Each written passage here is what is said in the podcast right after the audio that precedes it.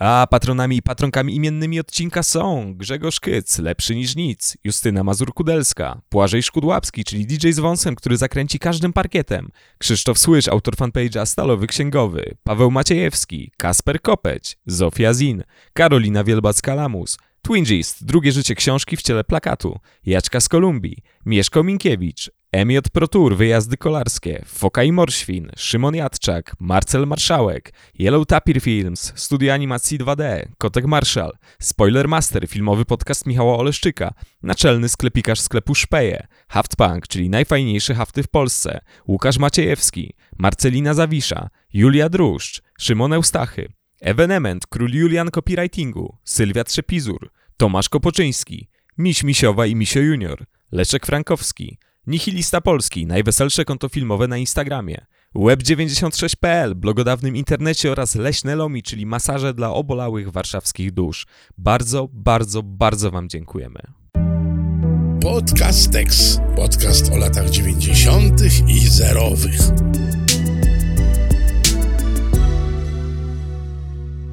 Mateusz, Tak. kamizelki bomber. Czy nosiłeś, czy będziesz nosił i a może masz jakąś w swojej szafie teraz? Kamizelki Una Bomber. E, słuchaj, będę nosił na pewno. E, To wszystkich nas czeka. z, po, po pierwsze dlatego, że wypada, jeżeli jest się polskim mężczyzną. No jeszcze tak sobie daje z 15-16 lat, ale to maks. To po pierwsze. Po drugie dlatego, że wspaniale skrojona. Po trzecie, jakże praktyczna, prawda? Robaki, spławiki, e, nielegalne substancje. Tak, na pewno tak. No, no, no, no. A, a dlaczego pytasz? Praktyczna szczególnie w czasach katastrofy klimatycznej, nie? No bo, Mhm. no bo umówmy się.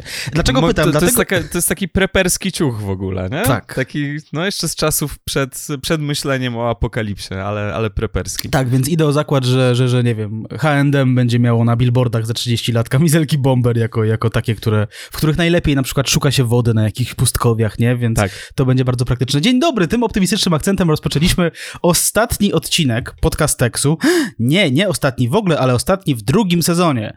E, dlatego, że robimy sobie przerwę e, wakacyjną i to jest jedyne ogłoszenie, które mamy na początek. Być może będą jakieś ogłoszenia na koniec, ale, ale tak. I w tymże to ostatnim odcinku drugiego sezonu będziemy rozmawiali o UFO po raz trzeci. W pierwszym odcinku mówiliśmy o, o tym, e, pró- próbowaliśmy odpowiedzieć na pytanie, jak to się stało, że tematyka UFO, ufologiczna e, była tak popularna w latach 90.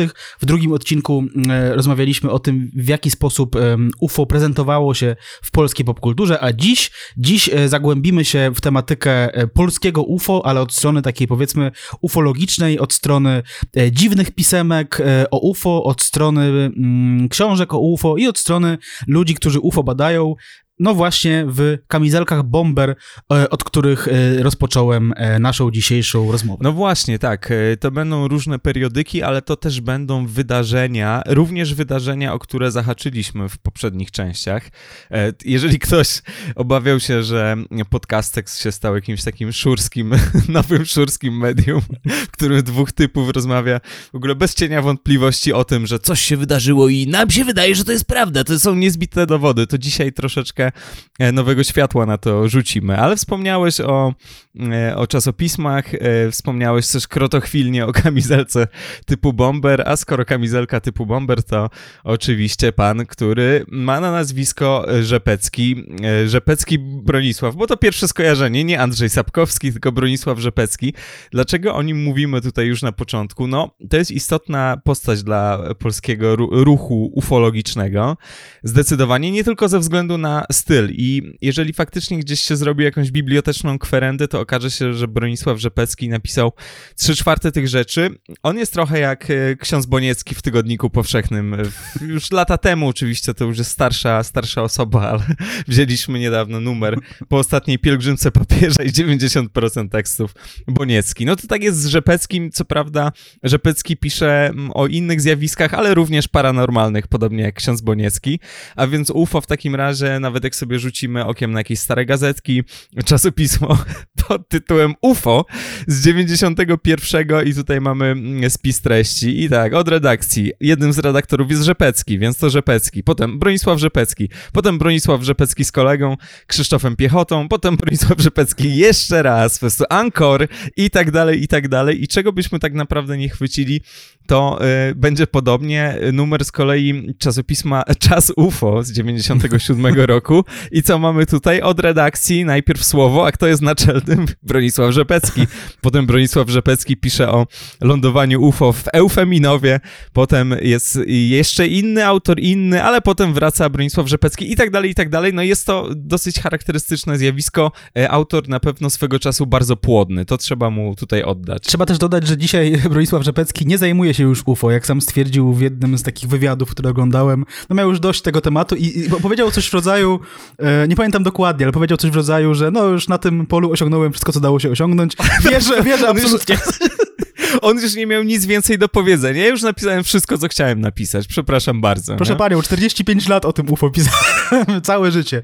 Tak? I, tak, tak. i, e, i już, już przestaje. Rzeczywiście, no, że Pecki przy okazji trzeba powiedzieć, że na szczęście, dlatego że dużą część researchu do dzisiejszego odcinka przygotowaliśmy na podstawie tekstów um, Bronisława Rzepeckiego. Na szczęście Rzepecki pisze całkiem nieźle i, i rzeczowo. To nie jest um, taki poziom, czasami się, jak się zagląda do jakichś takich zinowych gazetek e, paranormalnych, to, to tam troszkę brakuje korekt, redakcji i, i, i generalnie widać, że ktoś ma więcej e, dobrych chęci niż, e, niż drygu do pisania, e, a Rzepecki rzeczywiście pisze, pisze całkiem nieźle i pisze dużo, więc, więc tak, no oczywiście, że będziemy korzystali z jego, z jego tekstów, e, właśnie opublikowanych między innymi w czasopismach UFO, Czas UFO, Świat UFO, to jest w ogóle bardzo świat lubię świat UFO. UFO. Był świat kobiety, więc jest, więc, więc czemu nie e, świat UFO?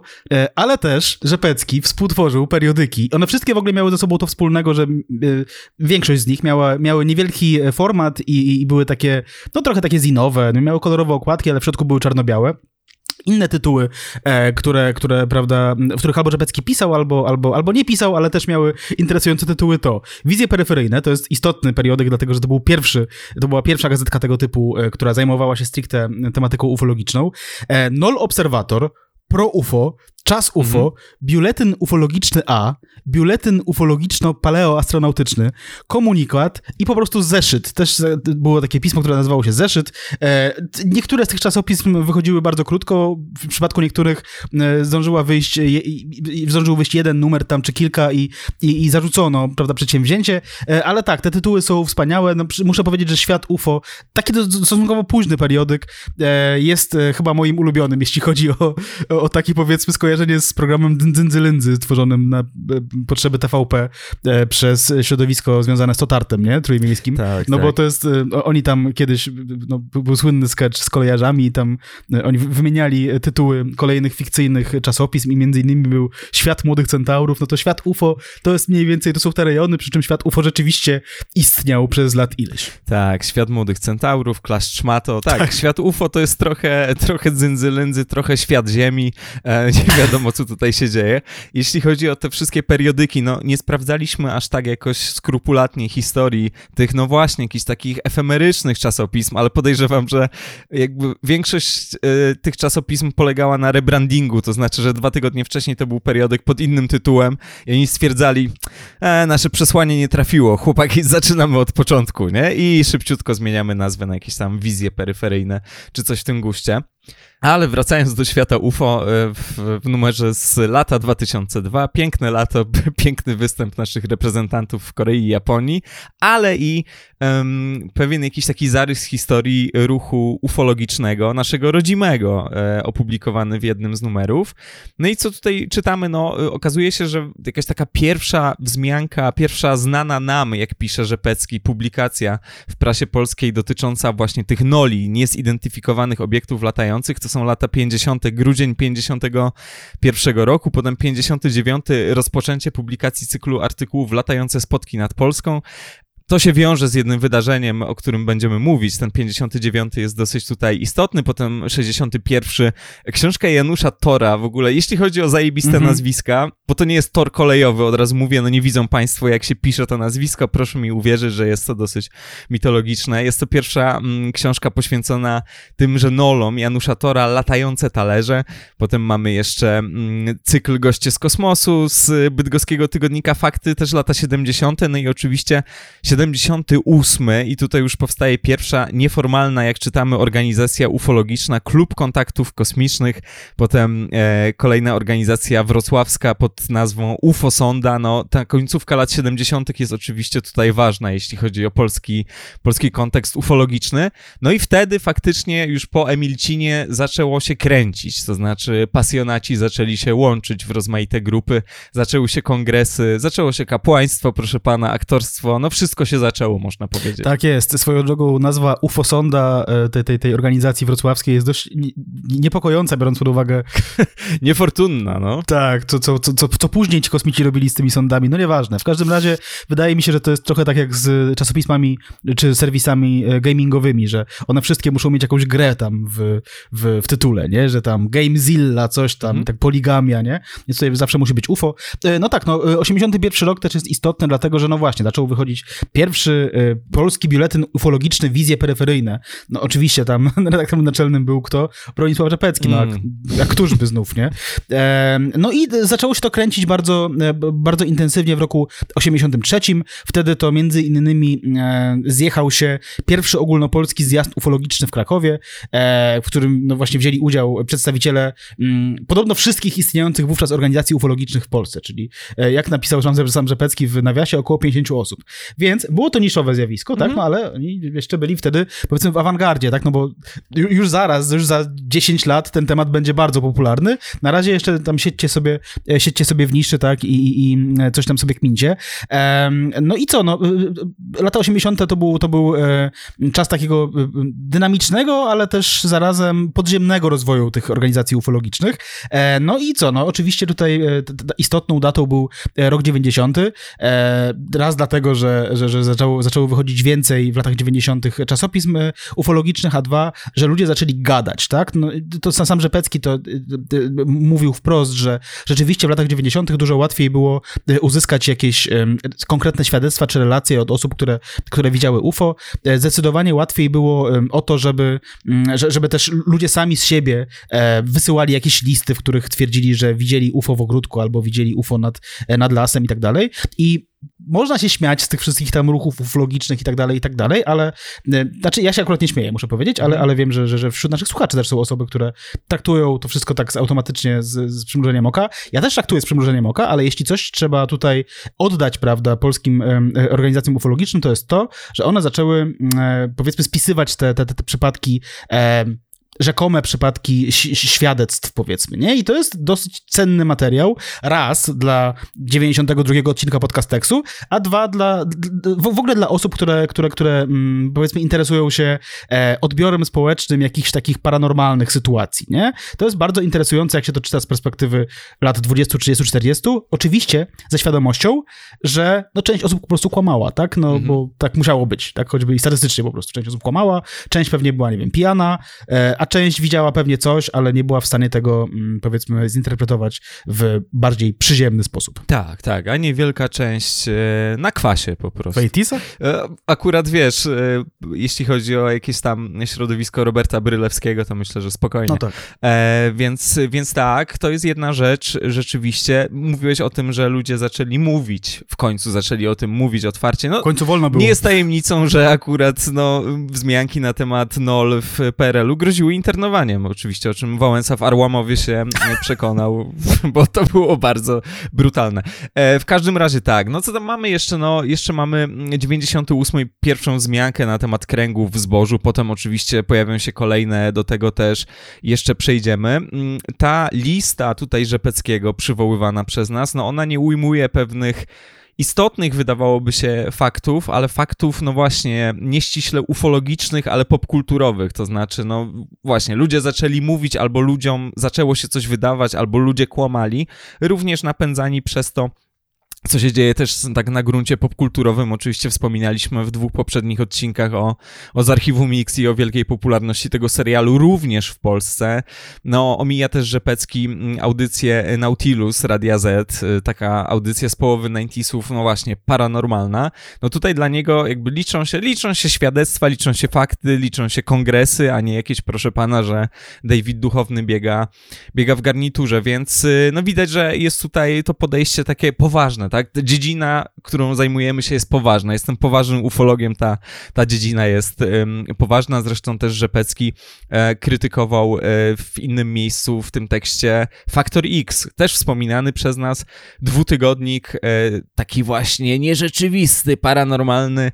Mówił o tym, że no super papier, super grafika, mógł to być i tutaj pisze w cudzysłowie Rzepecki, mógł to być hit, więc to jest takie pisanie jak wychowane na trójce, czyli cudzysłów w miejscach, gdzie go nie trzeba, ale że po prostu no, obniżyli poziom. To nie były poważne badania, to nie byli poważni ufolodzy, tylko ewentualnie szukali sensacji, nie? Więc no jakby niezależnie od tego, jakbyśmy oceniali całą dziedzinę, tutaj jak sobie popatrzymy na jakieś okładki, tam okładka wizji peryferyjnych z 81, no wygląda to śmiesznie, dosyć dziecinnie, e, ale oni na pewno traktowali samych siebie i, i dziedzinę, którą się zajmują, no całkowicie serio, nie? Tak, a przy okazji możemy właśnie, tak powtórzę jeszcze raz, możemy się dzisiaj nabijać, tak? Ale z drugiej strony w latach 80 no to chyba musiała być jakaś taka w miarę fajna zajawka, nie? No, ci ludzie też, no, wiemy o Rzepeckim, tak? Że, że on jeździł po całej Polsce, szukając ludzi, którzy kiedyś tam widzieli UFO. O tych świadectwach będziemy mówili jeszcze, ale niekiedy ci ludzie wracali w ogóle pamięcią do lat dwudziestych XX e, wieku, do lat czterdziestych, tak? Więc,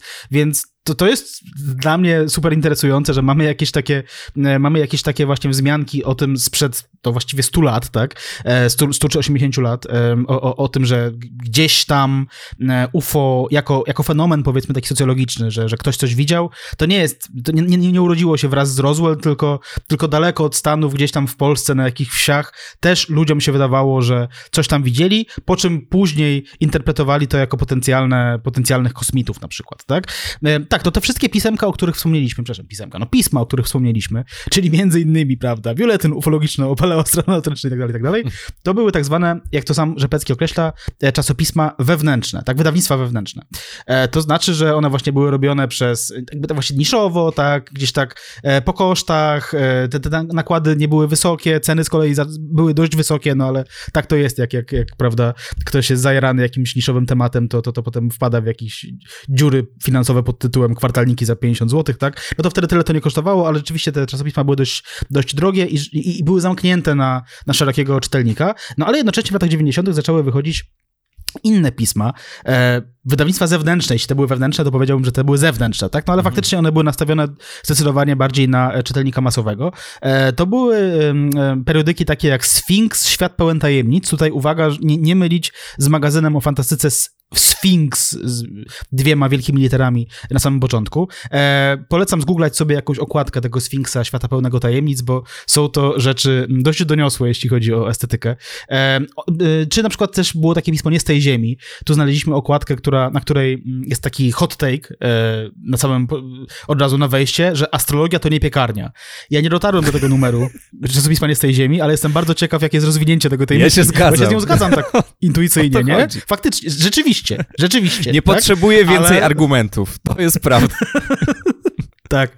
E, to są dwa pisma, które już nie istnieją od, od dłuższego czasu, ale istnieje za to czasopismo Nieznany Świat, e, które, które to w kwestiach powiedzmy poligraficznych rozwinęło się całkiem nieźle. E, kiedyś było też bardzo zinowe, przy czym ogólnopolskie, ale jeśli chodzi o vibe okładek, to e, można sobie na e, stronie internetowej Nieznanego Świata e, porównać okładkę z numeru pierwszego do okładki z czerwca 2023 roku, tak, czyli właściwie z, z, przyszłego miesiąca, tak, bo nagrywamy to w maju roku 2023. No ten vibe okładek jest, jest, jest bardzo, bardzo zbliżony, tak, znaczy to są jakieś takie... Mm, trochę, trochę abstrakcyjne, prawda, y, rzeczy, które, które, nie wiem, mógłby namalować e, Dali, gdyby miał dużo mniej talentu. To znaczy, to, to, to jest tutaj też kwestia ograniczeń technicznych, bo mamy numer pierwszy z roku 90 i tak naprawdę to są chyba jakieś takie biblioteczne szufladki, to znaczy szufladki, w których są karty poszczególnych jakichś tam, e, prawda, wydawnictw, ale wygląda to tajemniczo dzięki temu, że, no tak. że wygląda to no, niedoskonale, ale ciekawe jest to w ogóle, że oni przez 30 parę lat zachowali ten sam logotyp, ten tytułowy logotyp i to się naprawdę tak. rzadko zdarza. Tak. Kurwa, wiesz, Mars robił rebranding, w ogóle wiesz, miasto Kraków zrobiło rebranding, a w tym, w tym mieście to ciężko o rebrandingi, a oni sobie, sobie tutaj mm, śmiało, śmiało, śmiało działają. Tak, te okładki do dziś są tajemnicze. Jeżeli pamiętacie chujowe grafiki komputerowe z 2002 roku, to wiedzcie, że w nieznanym świecie w 2023 na okładce znajdziecie takowe w dalszym, w dalszym ciągu. Bardzo to jest tajemnicza, jakaś taka new age'owa sztuka, przy tym właśnie tchnąca tym jakimś takim po prostu korelem sprzed lat. Bardzo, bardzo piękna rzecz, natomiast jeśli chodzi o te stare numery, a to właśnie te niedostatki techniczne tak naprawdę tutaj mimochodem dodawały tajemniczości, no bo mamy faktycznie numery, w których widzimy zdjęcia niezidentyfikowanych obiektów latających, ale jako, że to jest no taka odbitka po prostu mało jakościowa i czarno-biała, to mogłoby to być cokolwiek. To znaczy, mówiąc y, niedelikatnie, gówno widać na tych zdjęciach mhm. i można by je podpisać absolutnie dowolny, dowolny sposób, więc y, no tutaj y, oczywiście podkręca to aurę, no bo kur, no ciek, co to jest tak naprawdę? Tylko no właśnie rzecz w tym, że, że te zdjęcia no niczego nam o niczym nie mówią, bo to są zbiory jakichś czarnych, białych i, i szarych punktów. Więc tak, więc było tajemniczo wtedy w nieznanym świecie, no. Tak, to niesamowite rzeczy. Tutaj trzeba dodać, że nieznany świat e, nie zajmuje się wyłącznie e, tematyką ufologiczną. Zresztą e, nie z tej ziemi i, i Sphinx też nie zajmowały się wyłącznie UFO. No generalnie właśnie zajmowały się pewnymi tajemniczymi zjawiskami, które otaczają nas wszystkich i my tak intuicyjnie wiemy, że, że one nas otaczają, no ale niektórzy przyznają, że coś się dzieje, a niektórzy są, mają zam, pozamykane głowy Mateusz. O to chodzi. No ale tak, no właśnie tutaj może wspomnijmy o tym, że w tym, w tym, w tym że w nieznanym świecie pojawiały się, mm, no to był taki miszmasz właśnie tego rodzaju tematów e, i pojawiały się tam dość randomowe sytuacje, typu na przykład, to jest taka notka z jednego z pierwszych numerów Nieznanego Świata, e, że jogę ćwiczą też koty. Nie? I tutaj Zbych, który, który redaguje tę te, te kolumnę, e, pisze tak. Świat się prześciga w zastosowaniu jogi. Okazuje się, że cywilizowanym zwierzętom e, także najlepiej robią ćwiczenia wzorowane na praktykach cielesnych hinduskich mędrców. E, otóż japoński weterynarz Shinegori Masuda, Shinegori przez szy pisane i popieram taką, taką, taką, mhm. tak, taki zapis. To nie jest błąd chyba, nie? Zapisywanie fonetyczne. Chyba prawda? nie, ale to wygląda jak węgierskie nazwisko w ogóle. tak. Shinegori Masuda postanowił opracować system ćwiczeń dla kotów. Podobno po fizycznym treningu zwierzęta lepiej śpią, nie są otyłe i co najważniejsze, wydają się zadowolone. My zaś zauważyliśmy wiejskie koty, które dzięki zwyczajnemu, naturalnemu sposobowi życia także czują się doskonale. No, można tak, można inaczej, można nauczyć yoga, e, e, kota jogi, można nie nauczyć na jedno wyjdzie, być może, być może nie. E, w każdym razie, no to jest taka, takie to pismo. No. Ale wiesz co, zaciekawiło mnie akurat w tej notce to, że mamy do czynienia z pismem, które, no właśnie, ono nie jest sceptyczne, to znaczy jego istnienie polega właśnie na tym, że wciąga się jakieś rozmaite, niesamowite, fantastyczne wątki, a ta notka jest puentowana tak, jakby to był jakiś taki, wiesz, poważniejszy periodyk i to jest taka rubryka wink-wink, nie, że no, a tutaj nasz burek, nie, nie, nie mówi się tak na kot, mruczek, kurwa, nie, a tutaj nasz mruczek też się świetnie czuje i nie ćwiczy jogi, coś tam, coś tam, więc to jest takie, że wiesz, z jednych rzeczy nie zbijamy, tutaj sobie pozwalamy trochę na to. Tutaj tak, zebrał zbych, to jest tutaj akurat najważniejsze. A w numerze trzecim z 91 roku mamy z kolei jakiś taki numerologiczno-polityczno-astrologiczny wątek, mianowicie horoskop dla no, mężów stanu, co tutaj dużo mówić.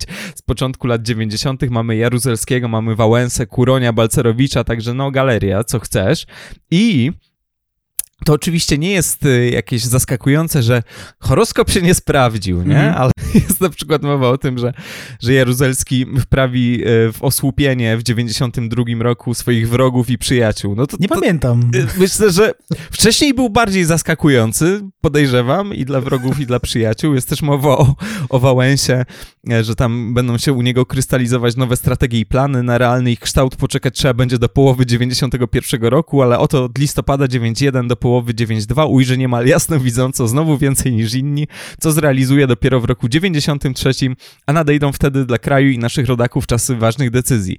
Wałęsa należy do ludzi, którzy rzeczywiście odmieniają świat. No, Lech Wałęsa odmienia zdecydowanie polskie media społecznościowe, jakby aktualnie, jeśli chodzi o jakieś takie realne działanie, natomiast wiemy, co się wydarzyło, więc jeżeli jego planem było po prostu rozdupcenie tego, co próbowali tam zbudować i, i jakby ułatwienie temu obozowi postkomunistycznemu e, dojście do władzy, czy tam powrót do władzy, jak ktoś by powiedział, to tak, to, to faktycznie udało mu się to zrealizować, ale jeżeli miał inne ambicje i plany, to, to prawdopodobnie horoskop jest tutaj nietrafiony. Ta konkretna przepowiednia jest szczególnie zabawna, no właśnie, po pierwsze w kontekście tego, co rzeczywiście się wydarzyło, ale też w kontekście tego, w jaki sposób na przykład dzisiaj komunikuje się ze swoimi słuchaczami czy widzami. Jasnowic e, Krzysztof Jackowski jest taki gość, nie? Na, na YouTubie, e, który, który mm, czasem jasno widzi, a czasem, czasem mm. e, ma jakiś taki powiedzmy w, wgląd w, w, w, geopolitykę powiedzmy globalną, tak? Więc e, i, i Jackowski łączy te dwie rzeczy, czyli z jednej strony no właśnie, nie wiem, potrafi powiedzieć coś w rodzaju, że no przed nami e, w tym roku będzie, będzie ciężki czas decyzji. No wiadomo, że będzie, bo mamy rok wyborczy i tutaj ten ktoś, kto pisał e, ten artykuł, e, no też zdawał sobie sprawę z tego, że w roku 93 najpewniej, jeśli nie dojdzie do wcześniejszych wyborów, będzie też rok wyborczy, będą wybory parlamentarne, ale z czego nie wiedział, to to, że, że rzeczywiście tam się wydarzy pewien plot twist, no bo faktycznie z perspektywy roku 91 Wałęsa dość potężną postacią był, znaczy był też później, tak, ale, ale, ale e, ciężko było przewidzieć wtedy, że, że, że Wałęsa podejmie szereg dość nieszczęśliwych decyzji, które, e, które, które będą, okażą się katastrofalne i dla niego, i dla, i dla jego obozu e, politycznego. E, jeśli, jeśli chodzi, wracając do UFO, może wróćmy do UFO, Mateusz, bo tam polityka polityką, ale wiesz, tam może dajmy sobie już spokój, pogadajmy o jakichś poważnych sprawach. No więc właśnie, wracając do UFO, Nieznany Świat i też inne periodyki, powiedzmy, zajmujące się sprawami paranormalnymi, czy też autorzy książek bardzo często publikowali w tych wydawnictwach rysunki rysunki mm, przygotowywane przez świadków, e, świadkinie e, kosmitów, tak, czy tam różnych tam, różnego rodzaju e, niezidentyfikowanych obiektów latających. Te rysunki są wspaniałe, no bo momentami wyglądają jak przygotowane przez dzieci, a czasami to są po prostu rysunki przygotowane przez dzieci. Tutaj na przykład mamy przed sobą taki rysunek sporządzany przez dzieci z Woronerza. No i faktycznie to jest po prostu dziecięca ilustracja, która, która została narysowana jakimś flamastrem i jest to bardzo urocze, że coś takiego było po prostu wydawane ogólnopolsko. Były też e, zdjęcia wykonywane przez świadków, na których oczywiście chuj widać, bo, bo raz, że to jest czarno-białe, a dwa, że to są zdjęcia, na których po prostu są jakieś, nie wiem, białe plamy, to równie dobrze mogło coś się zrobić z kliszą, tak, ale, e, ale, ale wiadomo, że to jest m, mm, trochę mniej atrakcyjne, powiedzmy, jeśli chodzi o, e, o potencjalne z, zbieranie czytelników, tak, e, wersja wydarzeń. E, no i były też e, bardzo piękne ogłoszenia, takie jak Uwaga, psychotronicy i ufolodzy. Laboratorium Usług Psychotronicznych Medium z Łodzi, Stowarzyszenie Medycyny Naturalnej Akademii itd. Tak itd. Są wymienione jakieś, prawda, e, organizacje. Organizują międzynarodowe wczasy psychotroniczno-ufologiczne w Ustroniu Morskim. E, sprawy załatwia medium, gdzie należy kierować wszelką korespondencję itd. Tak itd. Tak no i tutaj jest, są też zajęcia wypisane, takie jak na przykład medytacje dynamiczne, trening uwrażliwienia Encounta, e, blok podstawowy techniki lecznictwa i samolecznictwa naturalnego. No taki, dzisiaj tego jest dużo, mhm. wtedy to pewnie była jakaś tam nowość. Są też seanse spirytystyczne, nie? E, w programie praktyczne ćwiczenia związane z likwidacją wad wzroku. Krótko i dalekowzroczność e, ze astygmatyzm. E, dlaczego to jest odezwa, ten, to, konkretne, to konkretne ogłoszenie, dlaczego on, jest to odezwa konkretnie skierowana do ufologów? Nie jestem pewien, ale, ale tak, no uwaga, psychotronicy i ufolodzy, to musiał być bardzo zabawny event i e, ja bym szczerze powiedziawszy pojechał na taki event. Może dzisiaj nie, ale na, na event z roku 91, gdybym się mógł cofnąć w czasie, to właśnie to bym zrobił. Poszedłbym na... E, na to. Na, poszedłbym, poszedłbym na to. 400 tysięcy złotych starych. E, dobra. Przeżyjemy, tak? Mm. Jeśli są jeszcze tam jakieś, prawda, e, napoje lecznicze oczywiście, tak? No bo tutaj mamy dużo jakiegoś... Wiesz co, to ta odezwa psychotronicy i ufolodzy może to jest troszkę na takiej zasadzie, że my tutaj jako czytelnicy nieznanego świata jesteśmy crew, my jesteśmy, wiesz, my jesteśmy kumaci, nie? Nie ma wśród nas amatorów, mm -hmm. są tylko psychotronicy i ufolodzy, a nie jakiś tam pan Ziutek, który lubi poczytać o, o kosmitach. No może tak być, pojawiają się też tutaj rozmaite relacje, również takie z przeszłości, to znaczy z jednej strony z pierwszej ręki wydawałoby się, bo ktoś pisze do redakcji i wspomina, ale też ten ktoś przyznaje, że to się wydarzyło prawdopodobnie pod koniec lat 70. Tak? Jest wspomnienie gościa, który mieszkał wówczas na kwaterze u państwa budników, wybiegł razem tam z kolegą, podążył za wzrokiem budnika. Na niebie widać było coś, co w pierwszej chwili wzięliśmy za samolot, ale natychmiast zrozumieliśmy swoją omyłkę. To w cudzysłowie było bez skrzydeł, miało kształt cygara i tak dalej. Następnego dnia gazety napisały o tym, że przeleciał bolid. Bolid w znaczeniu no, meteorytu, zdaje się, bo nie chodzi tutaj o żaden pojazd. Antoni Wychowanie z Gdańska tak pisze. Nie? No i no,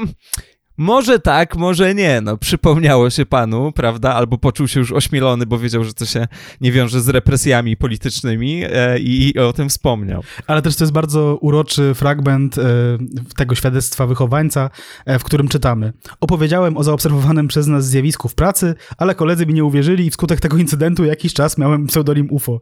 jest to bardzo cute. Ale takie przykre trochę, wiesz, bo trochę go cisnęli prawdopodobnie, jakoś, wiesz, nie był najpopularniejszy tak. w zakładzie pracy, tak, tak mi się wydaje. No właśnie, i te 90 pootwierały ludziom głowę. Tak, no bo to jest też taka ksywa, którą się dawało um, rówieśnikom, którzy byli dziwni, nie? I to często było pogardliwe, no ja kojarzę właśnie, że kogoś się tam nazywało Kosmo albo UFO e, i to były raczej takie osoby, no nie najpopularniejsze. Mamy nadzieję, że Antoni Wychowaniec sobie w każdym razie z tym poradził, mm, ale jeśli chodzi o bliskie spotkania, no to mamy też książkę z połowy lat 90. Zgadnijcie kogo? Czy Bronisława Rzepeckiego? No tutaj to jest mhm. jakaś taka szansa typu 1,15 do 1, nie? Gdyby to tak bukmachersko jakoś ująć. E, Rzepecki napisał w połowie lat 90. książkę Bliskie spotkania z UFO w Polsce. Nie była to pierwsza taka no, ufologiczna, powiedzmy, polska książka. My też wspominaliśmy o, o Zbigniewie Blani w poprzednim odcinku, o ile się nie mylę. Natomiast pierwsza, która by się skupiała no, ściśle na tych właśnie spotkaniach Polaków, proszę pana, z jakimiś e, niezidentyfikowanymi zjawiskami i, i przybyszami z kosmosu. Nie zawsze Polaków, ale zawsze na polskiej ziemi, bo czasami to nie byli Polacy. Ale tak, ale na polskim chyba. tak, mhm. tak, tak, tak. Ale na, słuchaj, jeżeli do czegoś dochodzi u nas, w tym kontekście chodzi o prawo prawo ziemi. Jeżeli to się wydarzyło w Polsce, to, to tak jest. Urocza, a propos urokliwych rzeczy. E, urocza jest dedykacja tutaj Bronisława Rzepeckiego i bardzo wymowna, to, to trzeba podkreślić. Książkę tą dedykuję żonie Teresie jako wyraz podzięki za jej wieloletnią cierpliwość i zrozumienie dla mojej pracy ufologicznej. Podejrzewam, że pani Teresa miała krzyż pański tak zwany. Wracając do... Boże Bronek. Tak, wracając do naszych kręgów kulturowych, to był, to był krzyż pański. Jeżeli jesteś z taką osobą i na przykład nie podzielasz jej pasji, to to musi być absolutnie przejebane, nie? To wtedy mówisz o tym mężu per mój kochany debil w najlepszym przypadku. Boże Bronek, ty byś, weź wyrzuć śmieci może. Tak. Gdzie będziesz jechał do ustrzyków po prostu, bo słyszałeś, że jakaś baba widziała UFO, już zostań w tak. Tak.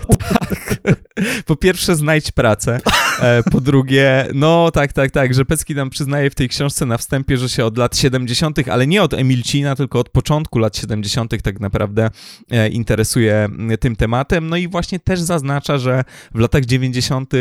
badanie tych wszystkich spotkań stało się łatwiejsze, dlatego, że też ludzie stają się powoli coraz bardziej ośmieleni, już pomijamy ten wątek esbecki. W każdym razie, jeżeli ludzie czytają w takim czy innym czasopiśmie, że ktoś miał tego typu doświadczenie, no to myślą sobie, dobra, to nie jest mi aż tak wstyd o tym powiedzieć, a na przykład przez długi czas to odkrywałem, że coś takiego e, widziałem, no i Rzepecki tutaj mm, no, poświęca się temu i bada rozmaite wydarzenia, to znaczy próbuje je zweryfikować na tyle, na ile da się zweryfikować subiektywne wspomnienie, subiektywną opowieść, prawdziwą czy nie, no to Tutaj już sobie każdy sam, e, sam odpowie, no ale właśnie a propos, a propos rzeczy, które się wydarzyły na polskiej ziemi, tam jest jakiś też rys taki historyczny w tej książce i na przykład wspomnienie z XVII wieku. Dnia 8 lipca 1618 roku pasterz Klaus Neumann spod Szczecina zobaczył wieczorem na niebie dziwne światło. Po chwili na ziemię zleciało coś podobnego do gołębia. Gołąb ten przekształcił się następnie w chłopca w wieku 4 lat w białej koszuli, który przeprowadził z nim rozmowę. Po kilku minutach chłopiec zniknął, a pasterz zobaczył unoszący się i przelatujący nad nim obiekt podobny do gwiazdy, mimo iż niebo było przez cały dzień i noc pokryte chmurami i innych gwiazd nie było widać. To jest tutaj cytat z e, tekstu UFO w średniowieczu z lat 70. z głosu szczecińskiego.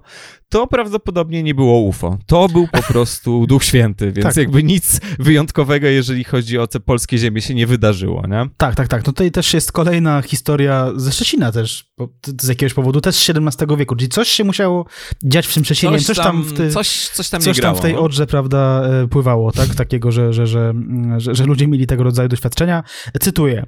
E, w marcu 1637 e, roku o godzinie trzeciej w nocy zauważono w Szczecinie bardzo jasną, świecącą białą plamę. W środku plamy powstała jakby bryła ognia, która urosła do wielkości domu. U dołu była czerwona, zaś u góry biała. Wyrzucała z siebie na wszystkie strony wielkie smugi ognia i czerwone pręgi, nie stała w miejscu, lecz poruszała się po niebie, raz opadła na młyn, potem zatrzymała się nad wałem oraz wartownią, z której wybiegło wielu żołnierzy, aby ją obejrzeć. Świeciła tak jasno, że można było znaleźć na ziemi igłę. Zjawisko trwało ponad godzinę to źródło, to jest to samo źródło, czyli, czyli ten sam tekst z głosu e, szczecińskiego, niejakiego podralskiego autora. E, No więc właśnie, no więc coś tam się działo w Szczecinie, coś tam się działo od, od, od prawda wieków, e, ale mm, no, no i jak to z, w ogóle, jak stwierdzić, czy to, co, co się tam wydarzyło, rzeczywiście miało coś wspólnego z e, istotami pozaziemskimi? No, nie da się stwierdzić, przy czym Żypecki to od razu przyznaje, tak, że, że to jest jego e, subiektywne przeświadczenie, że te dwa konkretne przypadki, które e, przed chwilą, o których przed chwilą powiedzieliśmy, to jest, to jest właśnie UFO, tak? Czyli UFO niekoniecznie w znaczeniu kosmici, ale w znaczeniu niezidentyfikowany obiekt latający, no ale jeśli mówimy o XVII wieku, no to czyli kosmici, no bo, no bo zakładam, że, że wtedy, nie wiem, mimo to, to wiem, że to jest Szczecin, tak, ale jednak mimo wszystko prawdopodobnie nie było takiej opcji, że jakiś człowiek tam zbudował coś, co rzeczywiście, nie wiem, latało i, i, i buchało kolorami i płomieniami em, w, w, w tej, w drugą stronę. Mm, no i właśnie, tutaj też Rzepecki da- dalej em, dzieli się z czytelnikiem klasyfikacją e, istotną dla dalszej części tego odcinka podcasteksu, więc tutaj może powiedzmy, na czym polega klasyfikacja tych bliskich spotkań pierwszego, drugiego i trzeciego stopnia. E, bliskie spotkanie pierwszego stopnia jest wtedy, gdy e, gdy UFO jest obserwowane z odległości mniejszej niż 200 metrów e, nie, i, i ten, ten obiekt nie oddziałuje na obserwatora i otoczenie, tak? Czyli coś tam widzisz gdzieś tam sobie na niebie, tak? Drugiego stopnia jest wtedy, kiedy mm, e, null obserwowany jest znów z odległości mniejszej niż 200 metrów, e, ale już ten obiekt jakoś tam, e, prawda, oddziałuje na otoczenie, zostawia fizyczne ślady, e, ma, ma też jakiś tam wpływ na świadków, tak? No i trzeci stopień to już jest cała seria, powiedzmy, jakichś takich wydarzeń, które, które sprowadzają się do tego, że mm, UFO jest obserwowane z bardzo bliskiej odległości, no i tutaj jest ileś tam podtypów tego, te, te, tych spotkań trzeciego stopnia, czyli na przykład, że, że ktoś został zaproszony na statek, albo że ktoś zobaczył istotę stojącą obok statku i tak dalej, i tak dalej, tak? Więc to są wszystkie te takie sytuacje, w których, em, prawda, mm, no, widziałeś coś, rozmawiałeś z kimś, podałeś komuś rękę, ten ktoś kazał ci się rozebrać, ten ktoś e, poczęstował cię kawałkiem szkła na przykład. Sopla. e, i tak dalej, i tak dalej. Sopla, tak, Mhm, przepraszam, mhm. nie szkła, e, a ty odmówiłeś z jakiegoś powodu. Więc tak, to są te, te wszystkie spotkania. E, dlatego też spotkanie z Emilcina uznawane jest za spotkanie trzeciego stopnia. Tak. Te spotkania trzeciego stopnia rzeczywiście mają swoje podtypy. Ten ostatni to CE3 łamane na G, czyli wzięcie. To jest polskie tłumaczenie tego terminu abduction. To tak a propos UFO-sondy i jakichś takich nieprzyjemnych wspomnień, niewspomnień. Nie wiemy, nie wiemy. Rzepecki też troszkę narzeka tutaj na naukowców. No właśnie, podkreślmy, niezależnie od tego, jakby brzmiało słowo ufologia, kurwa, to nie jest nauka. To znaczy nie ma narzędzi, które by pozwalały mm, tutaj weryfikować i, i falsyfikować i nie falsyfikować. W każdym razie Rzepecki narzeka w swojej książce na to, że jest sporo naukowców takich, wie pan, no hipokrytów, fałszywców i tak dalej, i tak dalej. Ignorują zupełnie ten temat, ignorują problem, ale na przykład gdzieś tam na boku mówią, że no, że ten, ja w sumie to wierzę, ale nie mogę się przyznać, bo koledzy by się ze mnie śmieli, proszę pana. Tak? Miałbym ksywę UFO wtedy. Tak, miałbym ksywę UFO i po prostu na każdej kurwa konferencji to samo. Bo miał już tego absolutnie dość. Tak czy siak Rzepecki no, zrobił troszkę tych wywiadów, wizji powiedzmy, że lokalnych. Yy, Okazało się, że w Polsce widziano tu UFO około 300 razy, 200 razy z niewielkiej odległości, czyli drugi stopień, bliskie spotkanie drugiego stopnia.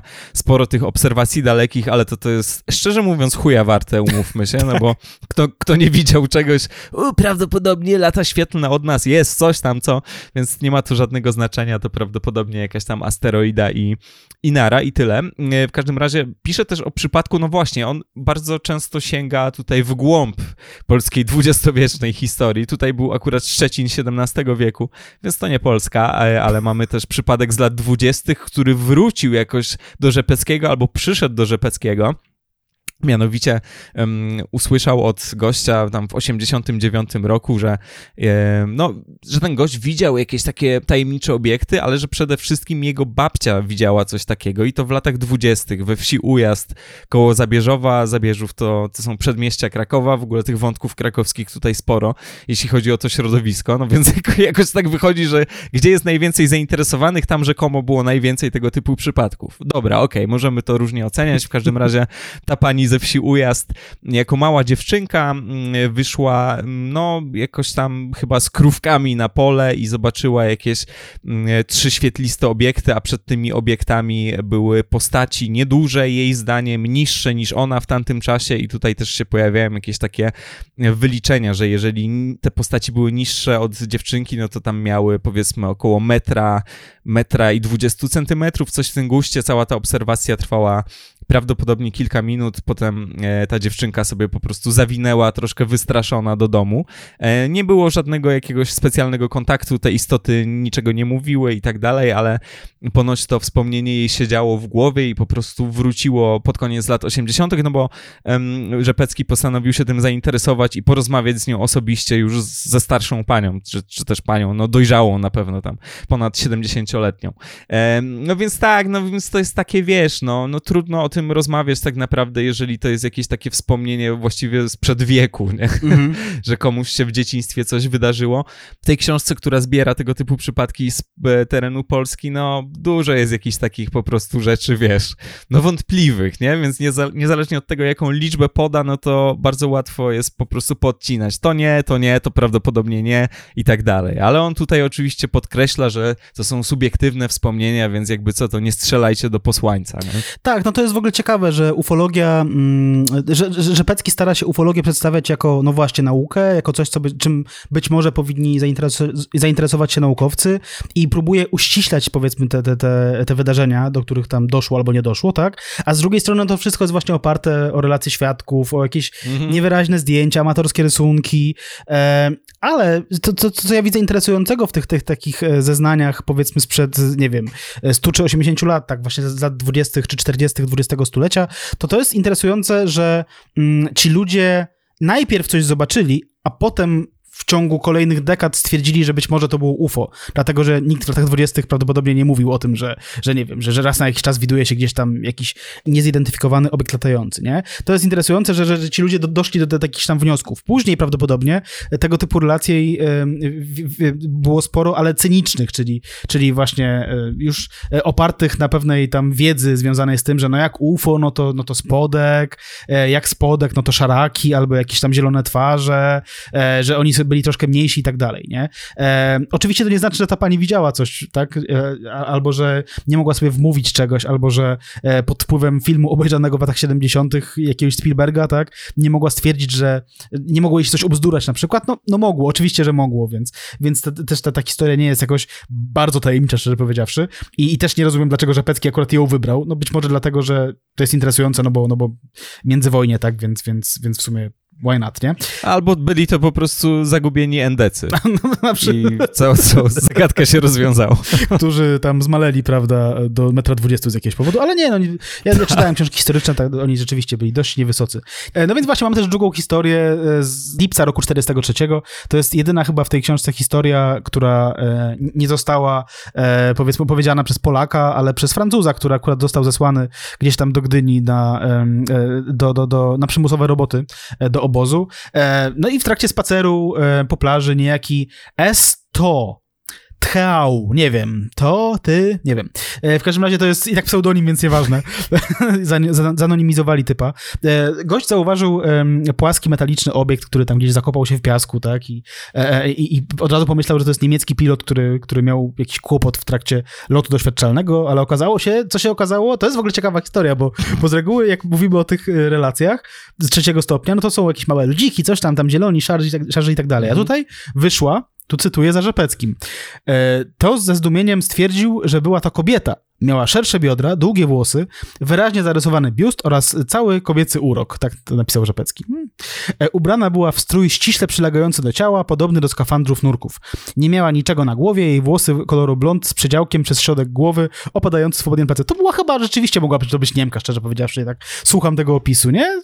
W zasadzie... Jest to jakiś tam typ, nie? To znaczy, to w ogóle wszystko wygląda jak projekcja jakichś fantazji seksualnych Tak. tego zioma, nie? Więc, no... Tak, tak, tak. Wzrost jej wynosił około, no i właśnie, tutaj 1,75 m, gdyż świadek, który miał 1,60 m wzrostu stwierdził, że była wyższa od niego prawie o głowę. No i tak, no i co tam się działo dalej? E, działo się dalej tyle, że ona była chyba trochę na niego zdenerwowana, taka taka wkurzona, zniecierpliwiona i kazała mu tam, poprosiła go jakoś tam bez, oczywiście nie w języku francuskim, tak, ale, ale jakoś tam porozumiała się z nim, że, że, że może by pomógł jej odkopywać z wydmy ten statek, on jej pomógł i ona wzięła i, i odleciała stamtąd, nie? I tutaj cytuję dalej za Rzepeckim. E, to był długo e, przekonany, że miał do czynienia z pilotem e, Luftwaffe Hanną Reich, słynną w tym czasie pilotką niemieckiego lotnictwa. Dopiero pod koniec lat 50. zaczął się zastanawiać, czy przypadkiem nie był uczestnikiem bliskiego spotkania trzeciego stopnia. Mimo to zachował dyskrecję, opowiadając swoje przeżycie dopiero Żanowi Siderowi w drugiej połowie lat 80., który tak ocenił świadka. Rozmawiałem z tym człowiekiem ponad dwie godziny i w żadnym momencie nie wydawał mi się mitomanem. To Francuz o bardzo przeciętnym poziomie intelektu. Jego opowiadanie było proste, bez jakichkolwiek upiększeń czy wychwalania się. Sprawiał wrażenie człowieka uczciwego, nawet jeśli, jeżeli odegrał przede mną komedię, to zmarnował karierę niezrównowanego aktora. No i teraz muszę powiedzieć, że mm, to jest tutaj, jak czytałem te, to, to, to, tę historię, to zdałem sobie sprawę z tego, że tak naprawdę ani razu nie trafiliśmy w trakcie przygotowań do tego odcinka, chyba na opowieść intelektualisty, tak? Takiego gościa, który byłby tam uznany za, za nie wiem, jak profesor uniwersytecki, on zobaczył coś tam, nie? Że za każdym razem to jest bardzo istotny wątek tych narracji ufologicznych, że no prosty chłop, tutaj przeciętny intelekt, no taki znany ze wsi, że y, zna, znany we wsi, że, że, że, że nie ściemnia, tak? Nigdy nikogo nie okłamał, nie? To jest jakoś, z jakiegoś powodu istotne, że, że, że to są zwykle prości ludzie, nie? Tak, wydaje mi się, że mówiliśmy o tym w pierwszym odcinku, że to zawsze są jakieś takie po prostu farmerskie historie i że ta tradycja amerykańska też ufologiczna jest dosyć mocno z tym związana, nie? Tam w Kentucky jakiś ten i myślę, że to troszkę polega na tym, że ludzie, którzy zajmują się tym tematem, bardzo często, e, może nieumyślnie, swoją percepcję po prostu, wiesz, swój odbiór kształtują tak, żeby to, co usłyszeli, okazało się prawdziwe. To znaczy, jakby dokonują selekcji argumentów Mhm. e, i sami siebie przekonują, że to nie może być ściema. Więc mówią o tym, że to taki prostolinijny, Mhm. a to on by sobie tego nie wymyślił przecież, bo to, to jakaś, proszę pana, literatura science fiction, a to taki prosty człowiek na swojej farmie, czy tutaj jakiś prosty tam, prosty Francuz, czy coś w tym guście, nie? Więc to jest tutaj też charakterystyczne. Przy okazji, no, oczywiście można tutaj założyć, że część tych takich bardziej intelektualnie usposobionych osób z kolei stara się odsiewać niesamowitości i myśli o tym, że nie, no, z logicznego punktu widzenia czy z naukowego punktu widzenia to nie jest za bardzo możliwe, więc prawdopodobnie to było coś tam, coś tam, nie? I wtedy wiesz, że ten balon meteorologiczny czy coś w tym guście. Więc myślę, że to jest kwestia po prostu twojej woli, nie? I tego, na ile chcesz, żeby coś takiego się wydarzyło. Ale ciekawe mi się wydaje to, że tutaj jeśli chodzi w ogóle o te, powiedzmy, jakieś świadectwa czy wspominki, to mało jest postaci, no, przyjmując jakieś takie ziemskie kategorie kobiecych, żeńskich, nie? Mieliśmy pana, który maluje do dzisiaj swój pierwszy raz z kosmitką, mieliśmy to we wcześniejszym odcinku, ale to, to jest to dosyć wątpliwe, ale okej. Natomiast tak poza tym to mamy jakieś takie, powiedzmy, nieokreślone postaci, a tutaj mamy, wiesz, jeden do jednego jakiś opis takiej, a to taka atrakcyjna, kurwa, skandynawka, nie? Czy coś w tym guście, czy jakiś taki po prostu, nie chcę powiedzieć atrakcyjna aryjka, ale to mniej więcej o to, o to chodzi w tym opisie. Więc wydaje mi się, że to jest jednak projekcja tych jego jakichś potrzeb, powiedzmy, erotycznych, ale no nie było mnie tam, prawda? Właśnie miałem powiedzieć, Mateusz, nie było cię tam, więc przestań gadać bzdury. Dokładnie. No. No więc właśnie, tak, no y, rzeczywiście wtedy ten statek odleciał, e, ale nie odleciał inny statek, również w Gdyni, prawda, i tutaj piję do e, incydentu gdyńskiego z roku 59. E, Zaraz wyjdziemy z tych lat 50., 40., zaraz dojdziemy do lat 90. Oczywiście mówimy o książce wydanej w latach 90., ale jeśli ktoś jest zaniepokojony, że podcastek y, gdzieś tam cofa się, prawda, do bardzo głęboko, no to ma rację, ale jest tutaj pewien cel, prawda, tego, tak? E, Czym był incydent gdyński? Incydent gdyński był e, y, opowieścią o tym, jak to Wieczór Wybrzeża poinformował czytelników w roku e, 59, a ściślej 23 stycznia, o tym, że e, no gdzieś tam na plaży miało się rozbić UFO i mało tego, że się rozbiło UFO e, i że byli tam jacyś świadkowie, prawda, obiektu, który, który spadał e, w, przez, przez niebo i, i wiele osób to widziało, to dodatkowo jeszcze w miasto poszła plotka, że e, z tego m, mm, pojazdu wydostał się jakiś ufok, prawda, jakiś tam kosmita, który czołgał się przez piasek i, i, i e, miał zostać wzięty gdzieś tam na jakieś testy, czy, czy, czy, czy, czy miał być opatrywany i e, wziął i zmarł w momencie, w którym e, lekarze zdjęli z jego ramienia jakąś opaskę, tak? I ta, ta, wtedy ta istota przestała żyć, nie?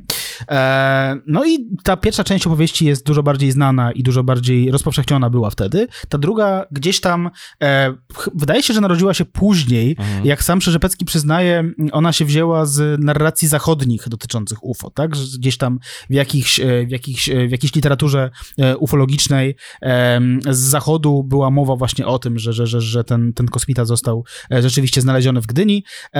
No i że Rzepecki olałby tę sprawę, gdyby nie to, że któregoś razu tam spotkał jakiegoś wojskowego, który powiedział mu, że widział raport z, z, tego, z, tego, z tego incydentu i w tym raporcie rzeczywiście była mowa o tej istocie i Rzepecki stwierdził, że, że, że, że wierzy temu kolesiowi i że to jest tak zwany dowód pośredni. No moim zdaniem to nie jest dowód nawet pośredni. W sensie, że gość, który twierdzi, że mhm. widział raport, którego nie widział Rzepecki, nie? To jest wciąż gość, który twierdzi, tak, że widział raport. Tak. Wydaje Mateusz. mi się, że tak. Czy był pan przy pisaniu raportu? No tak, gdyby Rzepecki zobaczył ten raport, to wydaje mi się, że wtedy to by był dowód pośredni tak naprawdę, bo cholera wie, co doprowadziło do tego, że powstał taki, a nie inny raport i w ogóle ten temat jeszcze wróci, mhm. więc mówię to e, nie bez kozery.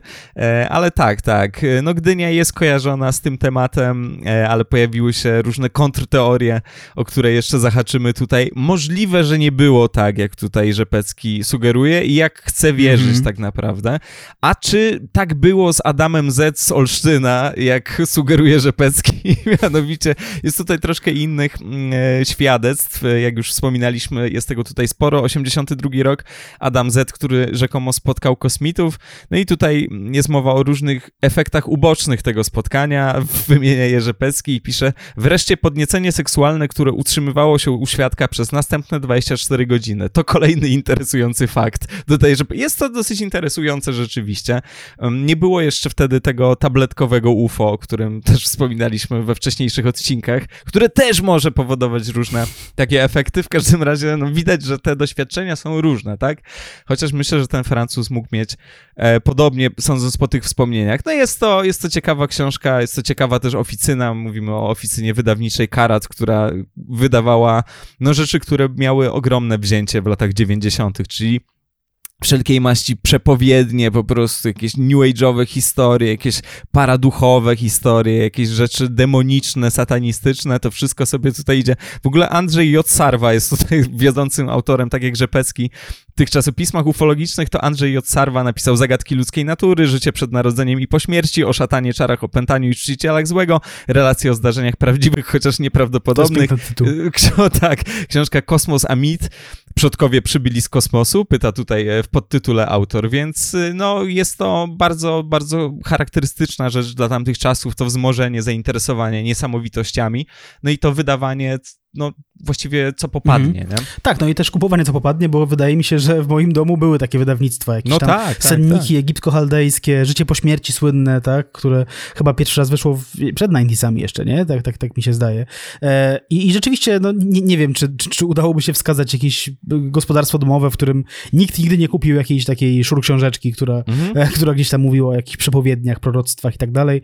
E, no, czasy były barwne, prawda, i trochę niepokojące, więc, więc tego, tego rodzaju, prawda, epoki chyba sprzyjają, prawda, patrzeniu w jakieś tam mhm. paranormalne e, zjawiska. E, no i tak, no, w latach 90., w których wyszła ta książka, mniej więcej w okolicy właśnie wydania tej książki, Radio Z zaczęło mm, nadawać program Nautilus Radia Z.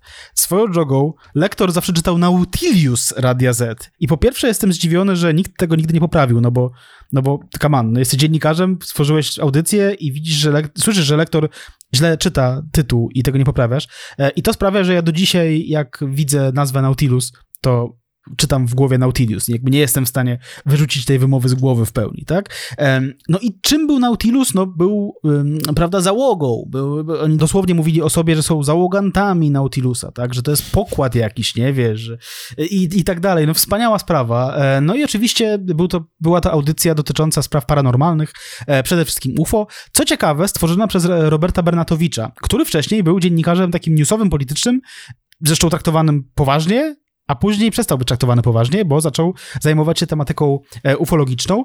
Ciekaw jestem, czy, czy, czy, czy mm, finalnie tego nie żałuje. On w jednym z wywiadów e, dostępnych na YouTubie stwierdza, że, że absolutnie nie żałuje i że co więcej, to, to, było kilkanaście lat temu, jak to mówił, ale e, on twierdzi, że jest w stanie godzić ze sobą pracę dziennikarza politycznego z dziennikarzem takim, takim zajmującym się mm, kwestiami paranormalnymi.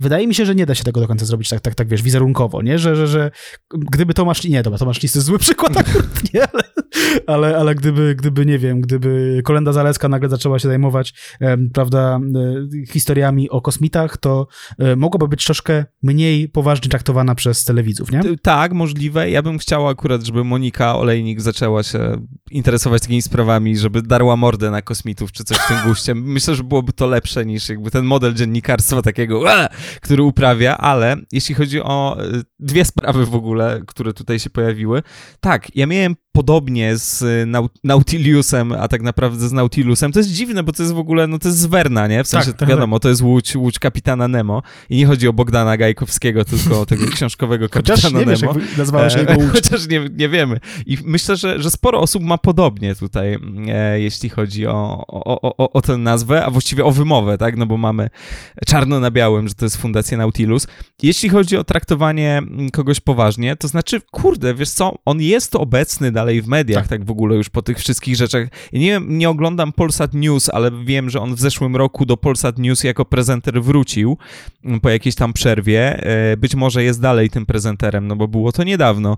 Mm, no i jest z tym gościem w Gajerze, który czyta newsy z promptera i który je prezentuje, więc mm, myślę, że osoby, które no, znają jego zajawki i poboczne działalności, no to myślę, że część z nich ma, ma bekę z tych, z tych zainteresowań, ale tak poza tym, no jeżeli twoja twarz nie jest aż tak mocno z tym kojarzona, a tutaj jest taka sytuacja, że jest po prostu prezenterem, to to jakoś uchodzi, nie? Ma po prostu podwójną tożsamość jak, jak superbohater. Jest to, jest to dosyć dziwne. W każdym razie tak, ta Fundacja Nautilus 2001, no i to jest taki czas, w którym robi się, no mówiliśmy o tym, że w latach 90. ludzie się tym interesowali, ale pojawiają się też jakieś prawdziwe lub nie zjawiska, które podkręcają ten temat. No w tym przypadku akurat były to między innymi kręgi na zbożu, które no, gdzieś tam mocno szalały też w zachodniej popkulturze. No, wiadomo, film Znaki, popularny i, i lubiany przez niektórych, na pewno charakterystyczny, jeżeli chodzi o jeden, o jeden moment. No, jeśli chodzi o polskie kręgi na zbożu, no to E,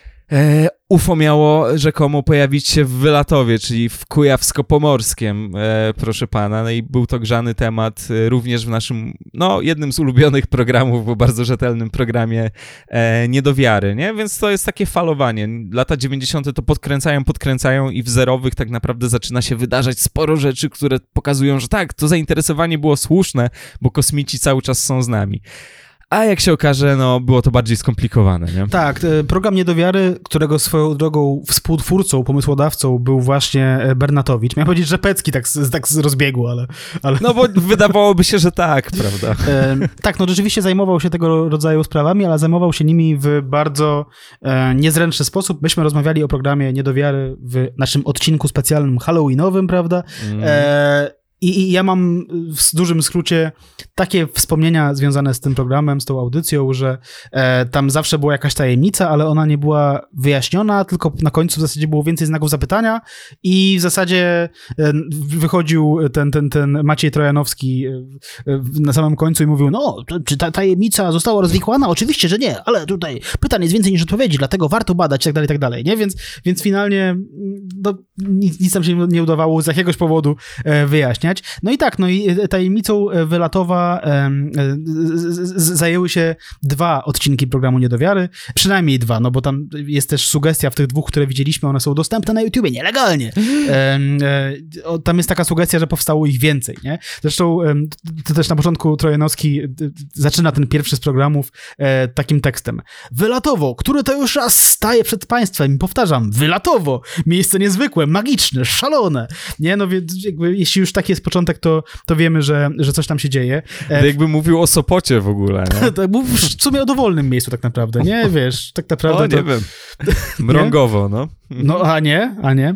E, no więc właśnie. E, więc e, i ten Trojanowski oczywiście też tam wchodzi w jakieś takie pretensjonalne kawałki typu słońce przegląda się w falujących łanach zboża, odbija się w złotym morzu niczym w lustrze. To się właśnie dzieje w Wylatowie. Rzeczywiście, jeśli tak się dzieje, to faktycznie to miejsce jest niezwykłe, magiczne i szalone, ale wydaje mi się, że to, może, to mogła nie być jedyna wieś w Polsce, w której słońce w ten sposób mm, przeglądało się w falujących e, łanach zboża. E, no i oczywiście na samym początku musimy dostać już w ryj tezą, tak? Teza, która brzmi tak tutaj, e, że absolutnie wszyscy, nawet najwięksi sceptycy, to już trzeba przyznać, oni muszą przyznać, że coś tu jest na rzeczy, coś tu się musi dziać. No czy musi? Nie wiemy, nie wiemy. Wydaje nam się, a zresztą, co ja będę mówił? Co ja będę tam zdradzał zakończenie tej historii? A, no tak, no twórcy programu robią sporo, żebyśmy nie, nie, nie zobaczyli niczego i żebyśmy pozostali sceptyczni. Żebyśmy no nie bo, włączyli telewizorów. tak, tak, bo to jest po prostu specyfika niedowiary. No, rzekomo tutaj mamy historię, mamy ukazaną noc z 30 czerwca na 1 lipca 2006. No i właśnie, tak wszy- wszyscy, scept- no nawet najwięksi sceptycy muszą przyznać, że mieli rację tak naprawdę, no bo to są te techniki bardzo dobrze znane z niedowiary, mianowicie noktowizor. U, noktowizor to jest zawsze już groza. Kamera z ręki, która jest bardzo mocno roztrzęsiona, to jest bardzo, zawsze bardzo tajemnicze i gdy coś się wydarzy, to kierowanie tej kamery albo gdzieś tam za plecy, albo w podłogę, albo ten, no bo w tym momencie coś się zaczęło dziać, albo jak zwykle jakieś dziwne eksperymenty polegające na odbieraniu sygnałów jakimiś, kurwa, wiesz, urządzeniami zrobionymi z boomboxa, ale jest tak, że o, coś, coś, coś słyszymy, nie?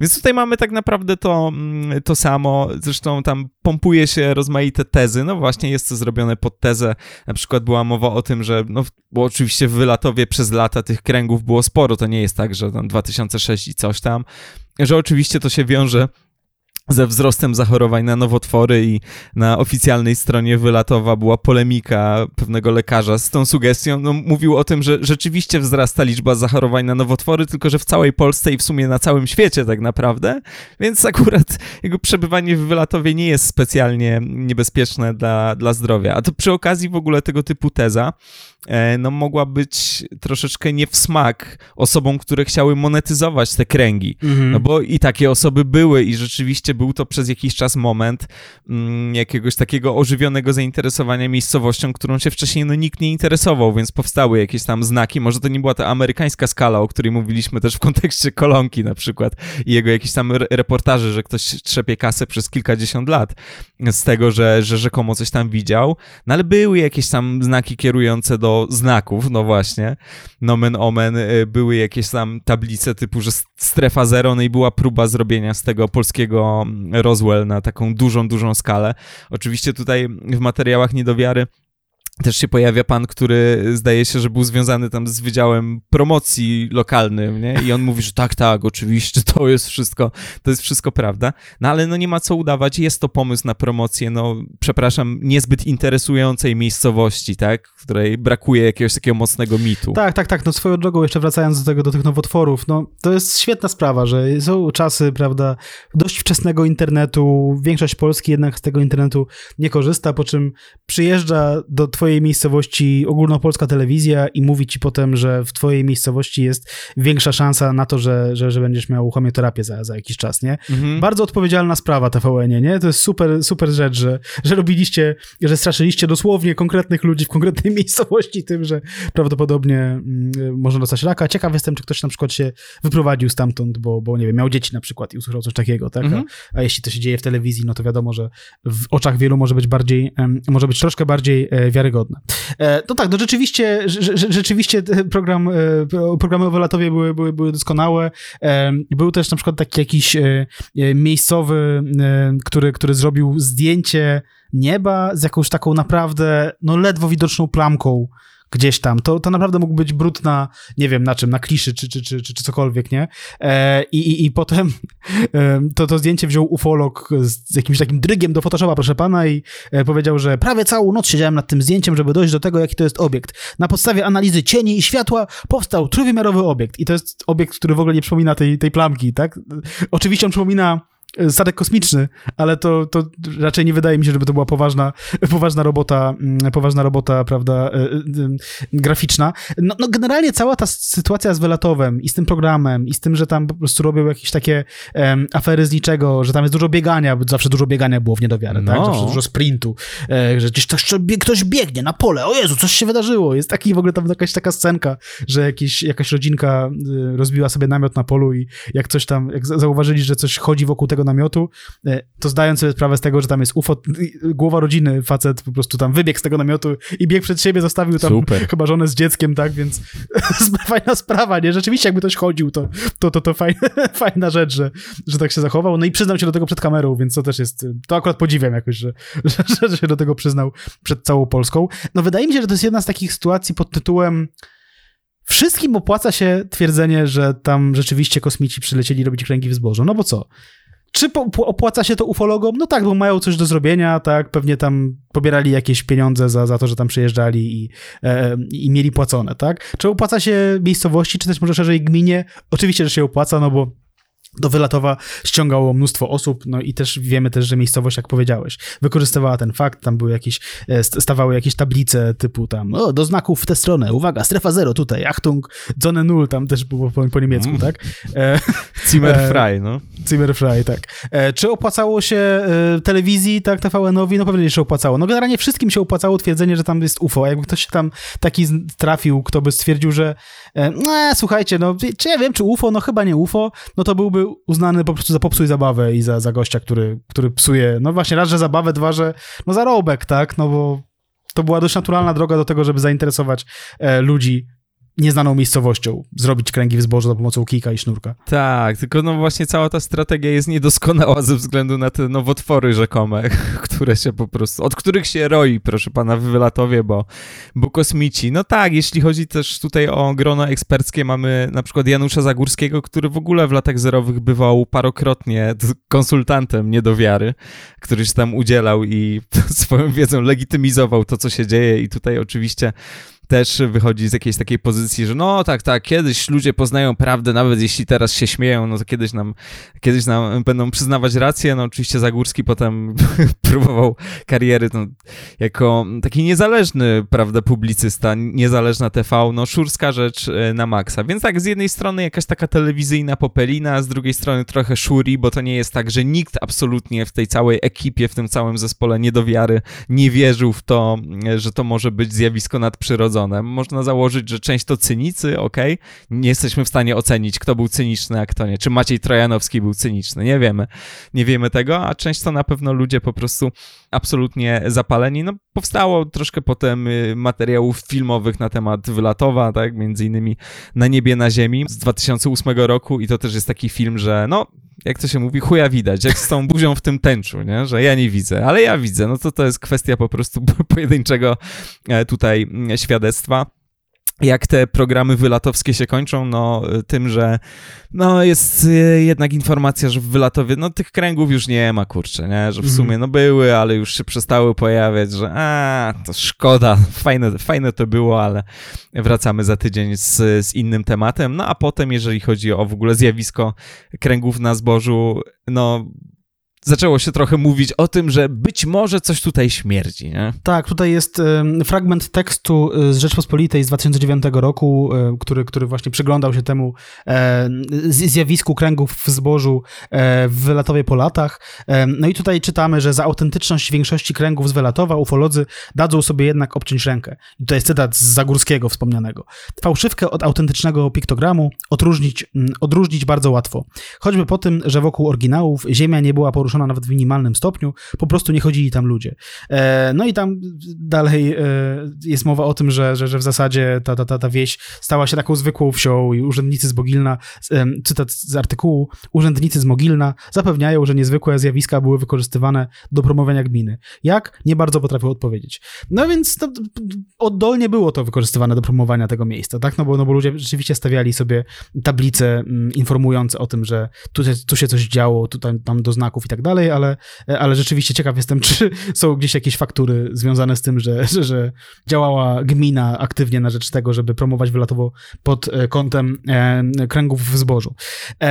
No potem dostawaliśmy jeszcze kilka filmów na temat wylatowa, w tym też e, autorka jednego z nich, Beata Migas, mm, zasugerowała, że, że, że znalazły się osoby, które, które rzeczywiście miały coś wspólnego z tymi kręgami i, i przyznały się do tego, że rzeczywiście te kręgi były robione przez człowieka, chociaż z drugiej strony, jak, jak tutaj zasugerował Marek Raczkowski w jednym ze swoich rysunków, w sumie kosmici też mogą wykorzystywać sznurek z kikiem, więc to, to wciąż niczego nie tłumaczy, a sama Migas powiedziała, że e, jeśli nawet to były osoby, to być może one były mm, kierowane przez jakieś tajemnicze siły, więc no nie wiadomo, nie wiadomo. Tak naprawdę jak już tutaj zmniejsza się liczba prawda, wiarygodnych argumentów, to można jeszcze tam grzebać troszeczkę i uwiarygadniać, nie?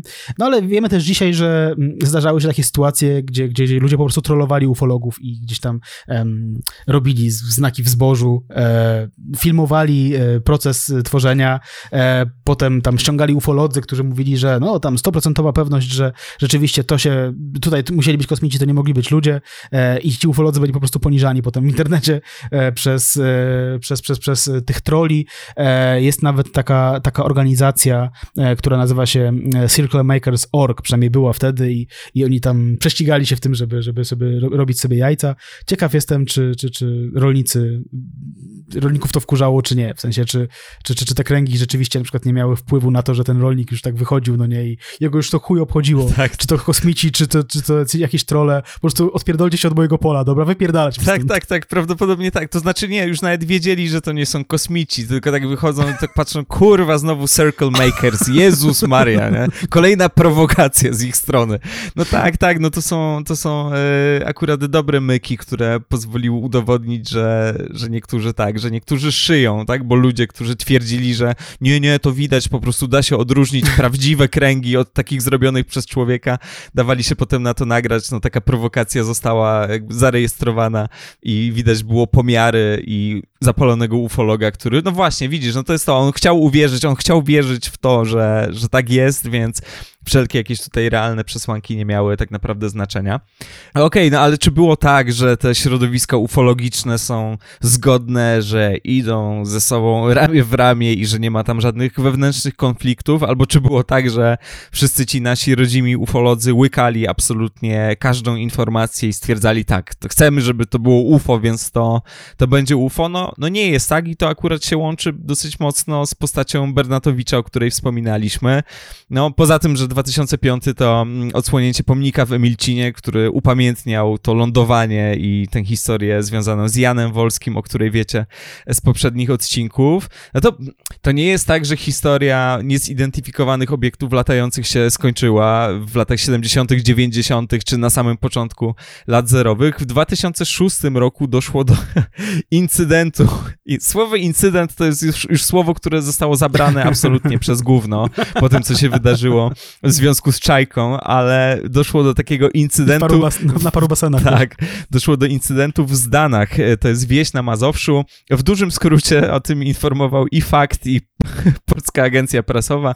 W, w dużym skrócie kosmici odłączyli prąd w Zdanach, mianowicie wystrzelili rzekomo wiązkę laserową w, tam w linię wysokiego napięcia, no i nie było po prostu energii elektrycznej w tychże zdanach i był to temat, który był mocno przez Nautilusa, przez fundację Nautilus Bernatowicza gdzieś tam podkręcany i hypowany, no ale pojawiły się w środowisku głosy sprzeciwu, które zaznaczały, że no jest tutaj dużo manipulacji i wydaje nam się, że fundacja Nautilus lubi zamieszanie wokół siebie, a niekoniecznie poszukuje prawdy, co nie? Czym jest prawda, Mateusz? No, odpowiedz mi na to pytanie pytanie. O, właśnie, Tak, właśnie. tutaj może e, opowiedzmy e, o tym, co się konkretnie wydarzyło w tychże zdanach. E, Bardzo barwnie opisała to Marta Górna w tekście napisanym dla Gazety Wyborczej pod tytułem Polacy udowodnili, że UFO istnieje, rzucając miskami. E, I, i, I czytamy tam, tutaj cytuję, dokładnie 8 stycznia 2006 roku, około godziny 12.30, e, dwóch byłych policjantów bawi się na weselu w Siedlcach. Dochodzą do wniosku, że mogliby się bawić jeszcze... 12.30 swoją drogą, to nie, nie, nie chodzi o pół godziny po północy, tylko o 12.30. No, no cóż, Bartek, to weselnika. jest święto, Tak. to jest święto. Tak, tak, więc szanuję. E, bawi się na weselu w Siedlcach, dochodzą do wniosku, że mogliby się bawić jeszcze lepiej. Jeden z nich prosi drugiego, żeby zawiózł go na panienki. Jadą drogą biegnącą z Siedlec do Terespola z prędkością 100 km na godzinę. Niedaleko miejscowości Zdany w Szczerym Polu samochód nagle staje. Myślą, że się popsuł. Za nimi jedzie bus na białoruskich blachach wypełniony robotnikami. On też się zatrzymuje. Z poloneza widać, że kierowca busa kręci kluczykiem w Nie wiedzieliśmy, co się dzieje. Drętwiały nam nogi. E, nad maską coś przeleciało i zawisło nad polem. Było wielkości Fiata 126P. Opowiadał potem jeden z pechowych weselników, którego zdjęcie pokazuje mi Robert, tak? czyli no właśnie tutaj e, założyciel Fundacji Nautilus. E, widzę na nim mężczyznę koło 50 we wciśniętej e, na głowę czapce z daszkiem, na, na burym swetrze skórzana kamizelka, palec wyciągnięty w dal, pokazuje skąd nadleciało UFO. No i właśnie, Fundacja Nautilus bardzo mocno promowała tę całą sytuację jako coś niesamowitego i, i też e, mówili zupełnie wprost o tym, że są najlepsze zdjęcia UFO, e, jakie kiedykolwiek powstały. E, przy czym to konkretne UFO, które widać na tych zdjęciach, ono przypomina troszkę dwie takie miski, powiedzmy psie, metalowe, jakoś tam sklejone, sklejone czy zespawane ze sobą, rzucone gdzieś tam w przestrzeń, nie? No i e, to nie jest tylko moje czy twoje wrażenie, ale to też było wrażenie osób, które przyglądały się tym zdjęciom i które próbowały to e, jakoś wyjaśnić. No i właśnie, e, trafiliśmy na e, e, tekst e, na stronie Radia Paranormalium, to jest przepiękna nazwa moim zdaniem, nie? Jest, e, bardzo doniosła, doniosła sprawa, w które e, to Radio Paranormalium em, krytykowało bardzo Fundację Nautilus. Dość powiedzieć, że tekst e, nosi tytuł Dezinformacja w polskiej ufologii. E, No i właśnie, no i tutaj piszą, pisze między innymi autor tak. Koronnym wręcz przykładem takiej taniej sensacji wytworzonej przez organizację badawczą, w cudzysłowie, jest sprawa UFO ze Zdanów, której mm, rozgłos zapewniła, zapewniła Fundacja Nautilus. Sprawa ta lansowana była na stronie Nautilusa przez długie miesiące, mimo iż liczni ufolodzy, zarówno w kraju, jak i za granicą, wytykali liczne nieścisłości, niedomówienia i inne elementy poddające wątpliwość autentyczność całego zdarzenia. E, tutaj fragment e, e, ominę. Generalnie tutaj autor e, twierdzi, że, że, że, że, że od grudnia roku 2005 gdzieś tak do lutego 2006 e, o sprawie zrobiło się głośno, no bo właśnie jak stwierdziłeś, e, napisał e, e, o, o niej fakt. No i dalej e, cy, cytuję za tekstem z Radia Paranormalium. E, jak nie trudno się domyślić, artykuły w fakcie zdobyły ogromny rozgłos. Tym bardziej Fundacja Nautilus postanowiła zająć się sprawą. E, efektem tego była cała seria artykułów na stronie Fundacji Nautilus poświęconych obiektowi ze Zdanów. Zaprezentowano w nich e, najlepsze zdjęcia UFO na świecie, przy czym wszystkie zdjęcia zostały wykonane z jednego miejsca i jednego kierunku. A gdy się przyjrzeć bliżej, okazuje się, że pokazywane w kolejnych artykułach nowe zdjęcia to w istocie jedne i te same fotografie, tylko inaczej skadrowane.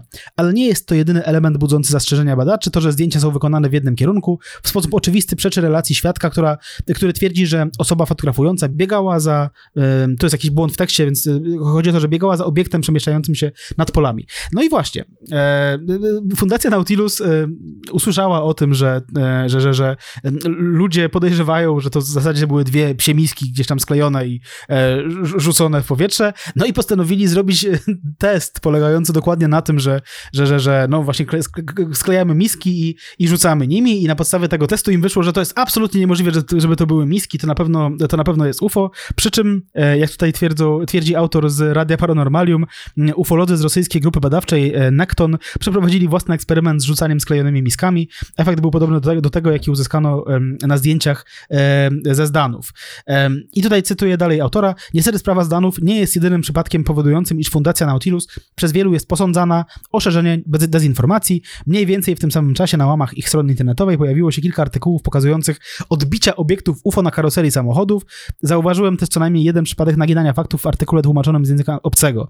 No i tam faktycznie jest, wymienione jest więcej przypadków, gdzie gdy, Fundacja Nautilus, no mijała się z prawdą w taki e, ewidentny sposób. E, tymczasem we wspomnianym tekście Marty Górnej Bernatowicz, który tutaj jest przedstawiany jako Robert, nie do końca wiemy dlaczego, no bo Ber Bernatowicz nigdy nie ukrywał tego, że mm. jest założycielem Fundacji Nautilus. Twierdzi, że to jest w ogóle niemożliwe, e, e, że, że to były miski, dlatego że, i tutaj cytuję, pierwszy punkt, niemożliwe, żeby to były miski, bo są zbyt wypolerowane. Członkowie Nautilusa miotali miskami nad polem, ale żadna z nich nie była aż tak lśniąca i bez skazy.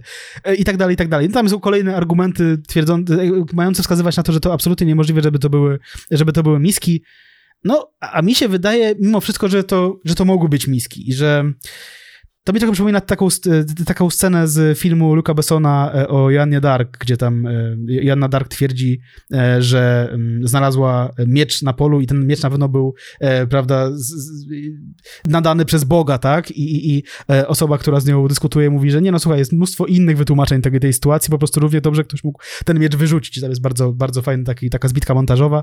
No i właśnie tak mogło być, a tymczasem Bernatowicz twierdzi, że absolutnie nie. Miski to jest niemożliwe, Mateusz. No właśnie, widzisz, a dlaczego dlaczego myślała, że to jest miecz od Boga, bo chciała tak myśleć i myślę, że tutaj jest podobnie.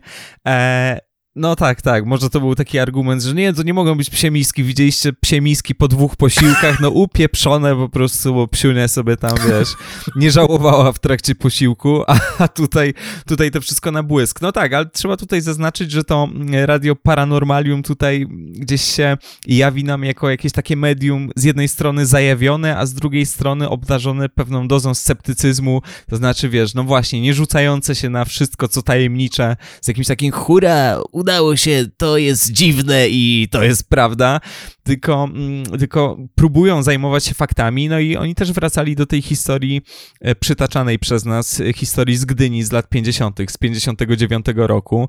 Mianowicie mówią tutaj o badaczu Robercie Leśniakiewiczu, który wysnuł jakąś nową hipotezę dotyczącą tego, zdarzenia i tutaj czytamy w tekście na stronie radia, pracujący wówczas w porcie Docker najpierw zauważył na niebie czerwony punkt, a po chwili jasny błysk światła w kształcie stożka mający jakieś 1,5 metra średnicy i 4 metry długości. Upadkowi obiektu do wody towarzyszył głośny huk, nurkowie wysłani do przeszukania basenu portowego nie znaleźli niczego, co sugeruje że meteoryt, właśnie, że był to meteoryt, a nie żaden obiekt latający, dość mocno wbił się w dno, nic nie znaleziono, nie ma stuprocentowej pewności, że był to meteoryt. Wskazują na to jednak okoliczności zdarzenia. Według relacji świadka obiekt świecił jeszcze pod wodą.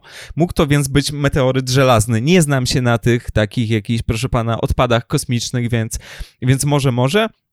I dalej czytamy w tekście, ponieważ meteorytu nie odnaleziono, powstała kolejna teoria. Otóż kształt stożka lub walca sugeruje, że mamy tu do czynienia z obiektem sztucznym, wytworzonym przez człowieka.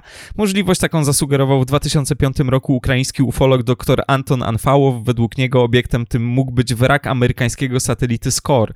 Według amerykańskich wykazów orbita, na jakiej umieszczono SCORE, dawała jej czas istnienia około 2-3 tygodni. Był to jakiś tam po prostu ostatni krzyk techniki, jak czytamy pod koniec lat 50. No i co? Amerykańska, no właśnie, jakiś taki amerykański obiekt, amerykański satelita wpada do polskiej, no właśnie, czy polskiej wody w 59 roku, wiadomo jaki to jest blok. No i czytamy dalej w tekście, Robert Leśniakiewicz wysnuł hipotezę, że ponieważ tuż po zdarzeniu rozpoczęła się gra wywiadów prowadzona nad głowami Polaków, należało całą sprawę zamaskować.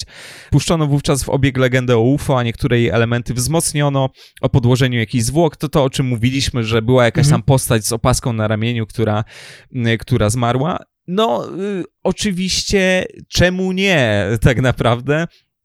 Jeżeli założymy, że doszło do czegoś takiego, że ten, że ten faktycznie wpada do, do wody w bloku y, socjalistycznym, no to można założyć, że jest to sprawa polityczna, nie? No bo to, to jest niezwyczajna sytuacja. Mamy tu do czynienia z technologią amerykańską, która jest podglądana przez Sowietów i vice versa oczywiście, więc y, tak naprawdę ten raport, o którym była mowa wcześniej, ten przytaczany rzekomy raport, on mógł powstać i być może jakaś taka notatka trochę fejkowa powstała, aby część służb nie miała pojęcia, że coś tam, coś No są to skomplikowane sprawy, bo jest to polityka na wysokim szczeblu i mamy do czynienia z dwoma supermocarstwami i z Polską pomiędzy nimi, więc oczywiście, że e, nie jesteśmy z całą pewnością w stanie stwierdzić, że tutaj Leśniakiewicz wy, wykminił najlepszą hipotezę na świecie, ale no trzeba zaznaczyć, że tego typu pomysły się pojawiały, nie?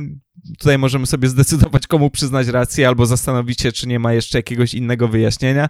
W każdym razie to brzmi całkiem sensownie. Jest to dosyć dobrze rozkminione. Tak, przy czym to też nie jest tak, żeby ktoś nas może źle nie zrozumiał, że Radio Paranormalium to jest jakieś super, bardzo wiarygodne źródło, bo jak wejdzie się na ich No stronę... tak, no dlatego mówię, że sami możemy sobie wybrać hipotezę albo zastanowić się, czy nie ma jeszcze innych 50, natomiast jest to jakiś tam krok, żeby po prostu się, wiesz, nie, nie zapętlić w tej wierze w zjawiska paranormalne i jednak jest to wyrażone przez e, medium, które zajmuje się takimi zjawiskami, więc trzeba tutaj zaznaczyć, że ci wszyscy polscy ufolodzy to nie były zawsze jakieś takie, wiesz, Mhm. na maksa ziomki skupione na tym, żeby udowodnić, że coś fantastycznego się, się mm, wydarzyło, ale żeby też po prostu spojrzeć na to od innej strony i może ma to swoje logiczne wytłumaczenie. Nie? I to trzeba oddać, że jeżeli jest środowisko, które się jara czymś niezwykłym i potrafi oddać głos sceptykom, którzy mówią o rzeczach no czysto fizycznych i namacalnych, nie? To zawsze jest jakaś taka większa wartość niż no właśnie e, Zagórski i niedowiary i stwierdzanie, że kiedyś naukowcy przyznają nam rację. Tak, no to jest przy okazji, y, tak pomyślałem sobie teraz, jak ty mówiłeś, że w zasadzie czemu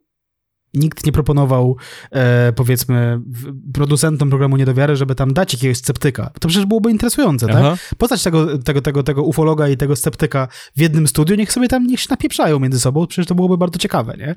E, no ale w zasadzie sceptyków tam zupełnie brakowało, a wręcz em, próbowano tworzyć jakieś legendy pod tytułem, no tam się na pewno coś wydarzyło. To jest, nie, w ogóle nie ma opcji, że nie, tak?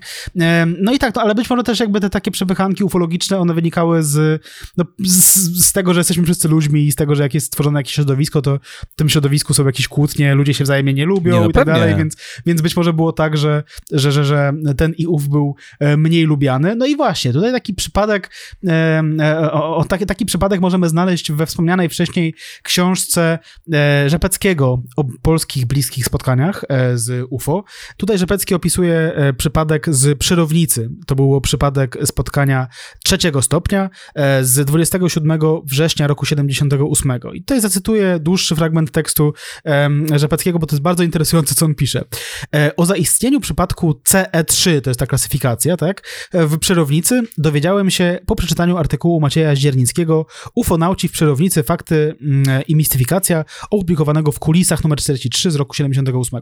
Em, e, Nie zająłem się wówczas rejestracją tego przypadku z dwóch powodów. Po pierwsze, przypadek ten prawie natychmiast po jego zaistnieniu został zbadany, w cudzysłowie, przez Zbigniewa Blanie. A, czy tutaj koniec cytatu na chwilę. Po, powraca Zbigniew, Zbigniew Mhm. Blania, e, czyli osoba, e, o której e, słyszeli Państwo w poprzednim odcinku. Gość, który tam jeździł do Emilcina, tak, w związku z, z, z, z świadkiem Janem Wolskim. I cytuję dalej, cytuję dalej Rzepeckiego. Po drugie, przyjąłem za prawdziwą i ostateczną wypowiedź pana Blani, zacytowaną we wzmiankowanym artykule. Cytat. Wydarzenia w Przyrownicy są history- historią wymyśloną przez dzieci na kanwie reportażu telewizyjnego emitowanego w sobotę poprzedzającą tamtą środę, 27 września, mówi Blania, wystarczyło 10 minut rozmowy, żeby nabrać przeświadczenia o mistyfikacji, a dalsze 20 minut na potwierdzenie tego przypuszczenia. E, no i tutaj oczywiście chodzi o ten materiał filmowy, o którym rozmawialiśmy w poprzednim odcinku, tak, materiał związany z e, Emilcinem. E, No i dalej Rzepecki, że Rzepecki pisze tak. W okresie tym byłem początkującym ufologiem, w cudzysłowie. Pan Blania natomiast cieszył się wówczas sławą i uznaniem. Nie miałem więc żadnych podstaw, aby wątpić w wiarygodność jego opinii.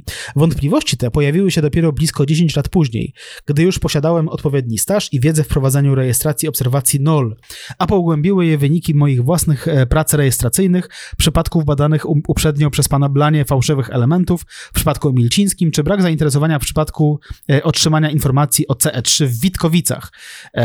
Powyższe błędy sprawiły, iż pan Blania stracił u mnie wiarygodność rzetelnego badacza, skoro w tych przypadkach pomylił się w swojej ocenie. E, Mogło się tak zdarzyć również w przypadku e, w Przerownicy. E, No i tam pisze dalej Rzepecki, że postanowił e, zbadać ten przypadek raz jeszcze i, i jego zdaniem to rzeczywiście tam mogło dojść do czegoś. No ale właśnie, tutaj okazuje się, że nagle, że, że, że em, em, Blania mógł być nierzetelnym badaczem. No i to jest coś, co może być zaskakujące dla części osób, powiedzmy, które zajmują się ufologią w Polsce, ale tak właśnie mogło być. I to nie jest jedyny dowód potencjalny na to, że tak mogło być. To jest szokujące, że człowiek z taką prezencją w ogóle, z tak budzącą zaufanie prezencją mógł być nierzetelny. No właśnie, skoro Zbigniew Blania to Emilcin, czyli tak jak mówiliśmy, wracamy do tego tematu. Znaczy przede wszystkim to wrócił do tego tematu e, Marcin Moneta, który opublikował interesujący tekst na łamach wirtualnej Polski, ale przede wszystkim wrócił do tego tematu Bartosz Rudultowski, pisarz i badacz rozmaitych tajemnic i tutaj trzeba zaznaczyć, my na początku cytowaliśmy jakieś tam spisy treści z czasopism, do których Rzepecki napisał 90% artykułów, Rdutowski również bywał tam autorem i również widzimy go w jednym ze spisów treści, więc tutaj mamy do czynienia właśnie niekoniecznie z gościem z zewnątrz, to znaczy nie ze sceptykiem, tylko z gościem, który faktycznie bada rozmaite tajemnice, głównie związane z II wojną światową, ale nie tylko. Więc to a propos tych y, jakichś takich, wiesz, powiedzmy, że ufologów, ale zainteresowanych jednak pewnymi faktami. I tenże Rudultowski, jak czytamy w tekście Marcina Monety, dotarł m.in. do kaset z nagraniami wywiadów ze świadkami, które przeprowadził Zbigniew Blania, Blania Bolnar, skontaktował się z uczestnikami tamtych wydarzeń. My wspominaliśmy o tym Adasiu Popiołku, no już oczywiście potem Adamie, który jako dorosły człowiek mm, nie chciał za bardzo komentować tego wydarzenia. Ale co tutaj jest istotne, do czego Rdułtowski tutaj dotarł, mm, jak się dowiadujemy z tekstu monety, no Mianowicie do tego, że Blania dowiedział się o tej całej sprawie, tak? o tym, że Jan Wolski rzekomo no, był na statku kosmicznym, miał kontakt z kosmitami.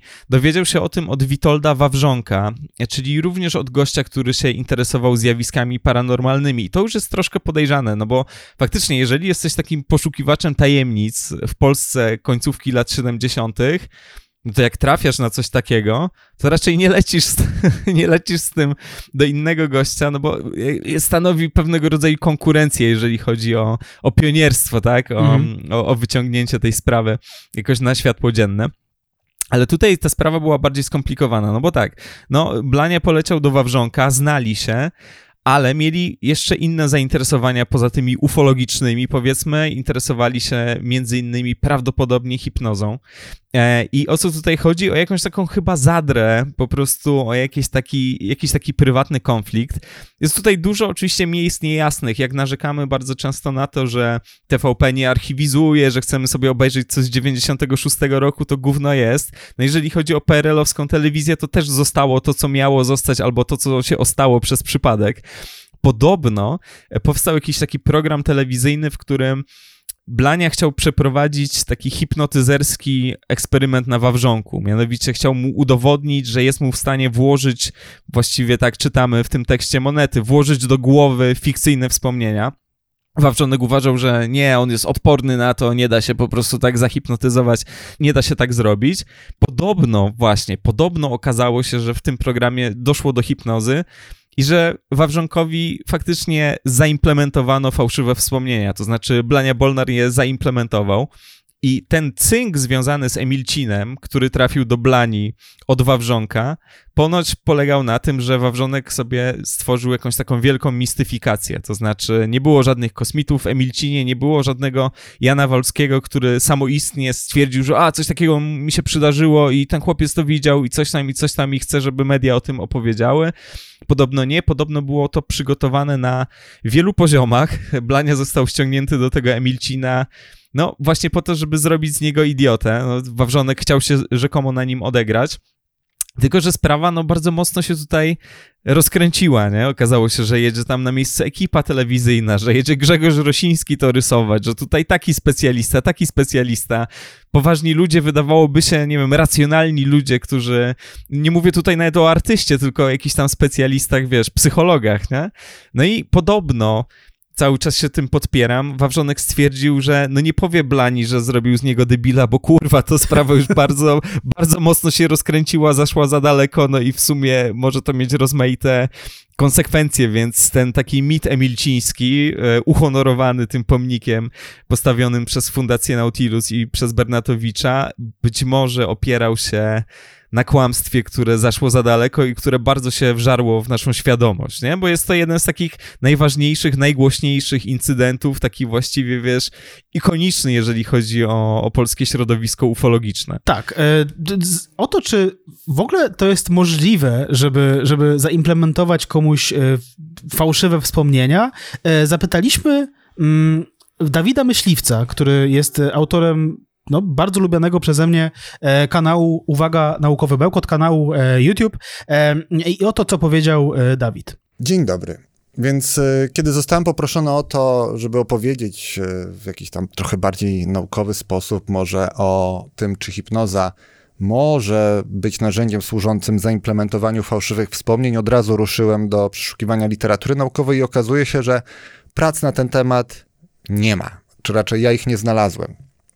E, wiadomo, że jeżeli jakieś wspomnienie pojawiło się w czasie hipnozy, to oczywiście może być ono jak najbardziej fałszywe, natomiast takiego implementowania celowego konkretnych wspomnień, no ja badań na ten temat nie znam. Zresztą o tym, że fałszywe wspomnienia mogą samoistnie się pojawić w czasie hipnozy z pewnością już wiecie, bo jak znam chłopaków z podcasteksu, to nie umieszkali oni wspomnieć o swoim odcinku o Satanic Panic i o tym, że tam poświęcili temu e, aspektowi, temu tematowi trochę więcej miejsca.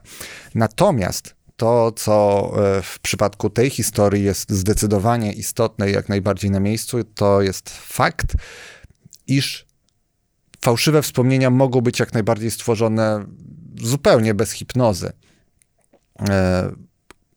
Mówiąc nawet bardziej ogólnie, generalnie osoby trzecie mogą stosunkowo łatwo wpływać na to, jak pewne rzeczy są pamiętane. W jednym z eksperymentów ankietowanych poproszono o oszacowanie prędkości, z jaką zderzyły się dwa samochody. Pokazano im wideo tego zderzenia. I samo sformułowanie pytania wpływało w sposób znaczący na odpowiedź, bo ci, którzy byli pytani o prędkość w czasie karambolu, podawali wartość o 20% większą niż ci, którzy byli pytani o prędkość w czasie zderzenia czy zdarzenia.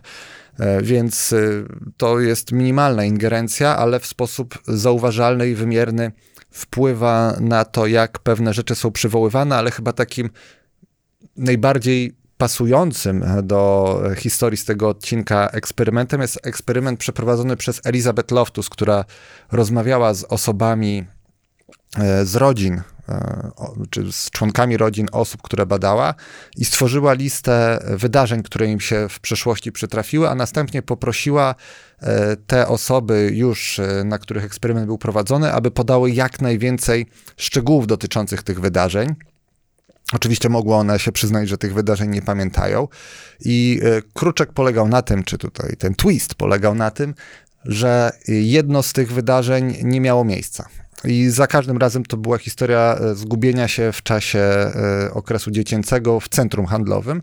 I okazuje się, że 30% osób podawało jakieś szczegóły dotyczące zdarzenia, które nigdy nie miało miejsca i to bez żadnej ingerencji z zewnątrz innej niż tylko zapytanie, jak wspominasz to wydarzenie. Mm, co więcej, e, ilekroć ten eksperyment był powtarzany w kolejnych iteracjach, czy po, po, różnych odstępach czasu, e, to tych szczegółów było więcej, tak jakby e, przy każdym e, kolejnym podejściu ci ludzie przypominali sobie trochę więcej faktów dotyczących zdarzenia, które nigdy nie zaistniało. 30% osób tak e, zareagowało. Natomiast warto tutaj podkreślić, że jeżeli chodzi o prawdziwe wydarzenia, to tylko 70% z nich, no tak na, na przekroju całej grupy, było sobie przypominanych, więc e, nie było tak, że, że ci ludzie, nie wiem, no, pisali o wszystkim, co, co im przyszło do głowy. Nie, oni rzeczywiście udzielali odpowiedzi, że tego nie pamiętam, ale jednocześnie e, podawali jakieś detale odnośnie sytuacji, która nigdy nie miała miejsca. Więc jak najbardziej bez udziału hipnozy jest możliwe zaimplementowanie fałszywych e, wspomnień, zwłaszcza jeżeli taka osoba jest na to, na to podatna i to bez jakiejś celowej chęci ze strony tej osoby. No, dość powiedzieć, że o pamięci powinniśmy raczej myśleć nie jak o czymś, co jest zapisane w skale i ilekroć chcemy sobie przypomnieć jakieś wydarzenie, to sięgamy do, do takiego kamienia e, i, i, i odczytujemy z niego e, prawdy, które są niezmienne, tylko ilekroć sięgamy e, pamięcią właśnie do czegoś, co się wydarzyło i próbujemy to coś w jakiś sposób, nie wiem, opisać chociażby, to my ingerujemy troszeczkę e, w to wspomnienie. To jest tak, jakby, nie wiem, kartkę z opisem e, podnieść, odczytać, a potem spróbować z pamięci to opisać jeszcze raz i te kopię, nie do końca wierną być może, dopiero e, do, do szafki z napisem pamięć odłożyć. Więc pamięć jest rzeczą zmienną, a przez to, że jest zmienna, to jest też rzeczą, na którą może w którą może ingerować e, ktoś z zewnątrz. I zaszczepienie e, fałszywych wspomnień jest jak najbardziej możliwe. Dodam tylko, że to nie są tylko te eksperymenty, o których ja mówiłem, tylko e, takich dowodów na, na prawdziwość moich słów jest więcej. Jakby ktoś chciał, to, to w sumie niech nie pisze, bo pewnie mu nie odpisze, ale, ale może znaleźć takich dowodów więcej. Może na tym, na tym poprzestańmy. A czy w przypadku Emilcina tak było? No jako mieszkaniec województwa lubelskiego nie mogę potwierdzić i nie mogę zaprzeczyć. I to wcale nie dlatego, że jestem reptilianinem. No i tak, no i niezależnie od tego, czy um, która wersja tej historii jest prawdziwa, być może w ogóle żadna nie jest prawdziwa, tak? W sensie, mhm. Czy Jan Wolski widział kosmitów w Emilcinie, czy tam e, doszło do jakiegoś takiego e, paranormalnego starcia dwóch ufologów i specjalistów od, od, od rzeczy nieziemskich, prawda? to uważam, że jest. Obie te historie są wspaniałe. Spokojnie można sobie wybrać, w którą się wierzy, tak? No bo, no bo, no bo czemu nie? Nikt tego nie kontroluje, prawda? Mandatu się za to nie dostanie. E, I uważam, że obie wersje tej historii, zwłaszcza ta, w sumie chyba ta druga bardziej, tak? Czyli ta, czyli ta o spisku po prostu hipnotyzerskim, e, to są wspaniałe materiały na jakąś fikcję, na jakiś film w ogóle, nie? Żeby, żeby wziąć jakichś dwóch takich zajebistych aktorów, e, powiedzmy średniego pokolenia aktualnych i zrobić taką PRL-owską historię o tym, jak to, jak to Blania i Wawrzonek tam rzucali sobie kłody pod nogi i i, i sam, sama ta sytuacja, w której Wawrzonek pod koniec, e, albo tam w trzech czwartych filmu powiedzmy, e, domyśla się, że o cholera, to już zaszło za daleko i w sumie gdybym teraz przyznał się do tego, co, tam za, co, co tu zaszło, to, e, to, to, to odłamkami dostałoby zbyt wielu specjalistów. No, to jest coś doskonałego moim zdaniem i, i jeśli słuchają nas jacyś scenarzyści, ja wiem, że słucha przynajmniej jeden, to, to, to kurczę, zainteresujcie się tematem, bo, bo naprawdę to jest coś, co, co, co, co mogłoby się też um, bardzo unikatowa sprawa i coś, co mogłoby wyjść wyjść poza Polskę, jeśli to by było dobrze e, zrealizowane, nie? Tak, no takie mikrohistorie rozwijane w pełne metraże to może nie, niekoniecznie jest coś, co u nas byłoby jakimś popularnym sportem, ale mogą wyjść z tego wspaniałe rzeczy, więc tak, tak, tak, absolutnie sobie tego typu fabułę wyobrażam, więc się przyłączam do tego apelu. W sumie jeszcze nie dodaliśmy, gdzie w tym wszystkim jest Jan Wolski wedle Rudołtowskiego. Oczywiście była mowa o tym, że być może został zahipnotyzowany, no to właśnie a propos tych fałszywych wspomnień. No nie wiemy, my tego oczywiście nie rozstrzygniemy. Ja bym się tutaj przychylił w stronę, no nie pierwszy raz akurat y, w tych naszych odcinkach, w stronę Olgi Drendy, która mówiła w Culture.pl o tym zainteresowaniu właśnie zjawiskami nadprzyrodzonymi, że bardzo często to oczywiście wynikało z tych niedostatków technicznych. My też dzisiaj śmialiśmy się z tych zdjęć drukowanych na kiepskim papierze, z tych po prostu zdjęć małpkami, z, z, które są tam w niedowiary potem dowodem na cholera wie co. E, no i tak, oczywiście, że ta skala się zmniejsza wraz z czasem, jakby w sytuacji, w której mamy wszyscy przyzwoity aparat przy sobie i o tym też mówiliśmy mm, w poprzednich odcinkach, ale tutaj cytując Olgę, która właśnie odwoływała się do książki Jurdultowskiego, który twierdził właśnie, że ta E, cała akcja była mistyfikacją. Olga mówi, ja na swój własny użytek wolę zakładać, że pan Wolski spotkał UFO. Być może nie jest to prawda, ale ta opowieść bardzo mi się podoba. No i tak, oczywiście nie będziemy na siłę tutaj nikomu wciskać tego, że tak, na pewno, na pewno te rzeczy się wydarzyły, bo tak jest ciekawiej, ale na własny użytek też wolę myśleć o tym, że jako, że do niczego złego tam nie doszło, że to jednak była prawda, a nie konflikt jakichś dwóch, nie wiem, po prostu trochę szurów, megalomaniaków, czy coś w tym guście, bo po prostu tak jest ciekawiej, nie? Tak, tak, no rzeczywiście yy, yy, jakoś tak to wyszło, że, że, że wraz z tym, że, że, że wszyscy dostaliśmy do kieszeni wysokojakościowe aparaty i, i rejestratory, yy, jakoś no jest mniej tych, tych, tych relacji e, świadków UFO, czy, czy, czy, czy wielkiej stopy i tak dalej. No to co, to, to chyba powoli będziemy kończyli, prawda, naszą e, trylogię, prawda, ufologiczną, tak, czy, czy trylogię kosmiczną, można by było wręcz powiedzieć. Trylogię paranormalną, e, albo paleo... Jeśli kosmiczne, to było więcej części, bo jeszcze mieliśmy trzy odcinki o kolonce. To prawda, to prawda. Więc, tutaj już różne kosmosy zwiedzaliśmy. No, no i dwie części o Tomaszu Lisie, rzeczywiście. No, to, to, no, no, tak. no. E, no to, to jest jeden z tych takich tematów, które, e, które były wyjątkowo trudne, e, tak mi się wydaje, jeśli chodzi o research, bo, bo to jest taki temat, który jest jak hydra, że, że, że jak napoczniesz jakiś, jakiś jeden, jeden wątek, to od niego, z niego od razu wyrastają i, i różne głowy pod tytułem ktoś debunkuje tę historię, a ktoś ją potwierdza i tak dalej, a potem dotarliśmy do takich i takich wyjaśnień 30 lat później, więc to jest, to jest rzeczywiście coś, co wymagało bardzo dużej selekcji. No i wiadomo, że nie zmieściliśmy tu wszystkiego, tak? Na przykład nie zmieściło się tutaj, nie zmieściła się tu w ogóle sekta Antrowis, to być może do, do tego tematu wrócimy, gdy będziemy mówili o, o sektach z lat 90. i, mm. i zerowych, no bo to rzeczywiście był, był mocny temat. Nie zmieściło się tu mnóstwo bardzo ciekawych relacji świadków UFO, e, no ale jak sam Rzepecki pisał, jeśli było ich kilkaset, no to wiadomo, że się, że się nie pomieściły. E, nie zmieściła się tutaj bardzo ciekawa historia o śmierci brytyjskiego ufologa e, i takiego autora teorii spiskowych Maxa Spearsa na terenie Polski. Tutaj polecamy doczytać sobie, zadanie na szóstkę, tak, doczytać sobie, co tutaj się wydarzyło i e, jakie były teorie mm, z tym, z tym związane. W każdym razie dziękujemy za pomoc Pieli Wideloce Unitrze, która wydaje się być zajawiona tematem i, i faktycznie podsyłała nam bardzo ciekawe tutaj tropy, jeśli chodzi o realizację tych, tych odcinków o UFO. Tak jest, dziękujemy bardzo za pomoc, dziękujemy za uwagę. Kończymy trylogię, ale nie tylko, bo Jezus Maria, przecież my kończymy tym samym drugi sezon podcasteksu, mm. który był bardzo, bardzo intensywny, więc musicie nas zrozumieć, że potrzebujemy chwili przerwy i naprawdę jak sobie to wszystko przekalkulowaliśmy e, i sprawdziliśmy w kalendarzach, to będzie chwila przerwy, tak naprawdę. Co prawda wracamy w pierwszej połowie sierpnia, gdzieś tam na początku sierpnia, natomiast będziemy działać w tym czasie, będziemy troszeczkę odpoczywać, ale głównie będziemy pracować. Mm, intensywny to był sezon, wspaniały to był sezon, nie zapomnimy go nigdy. Wiele wspaniałych rzeczy się wydarzyło, dzięki Wam oczywiście.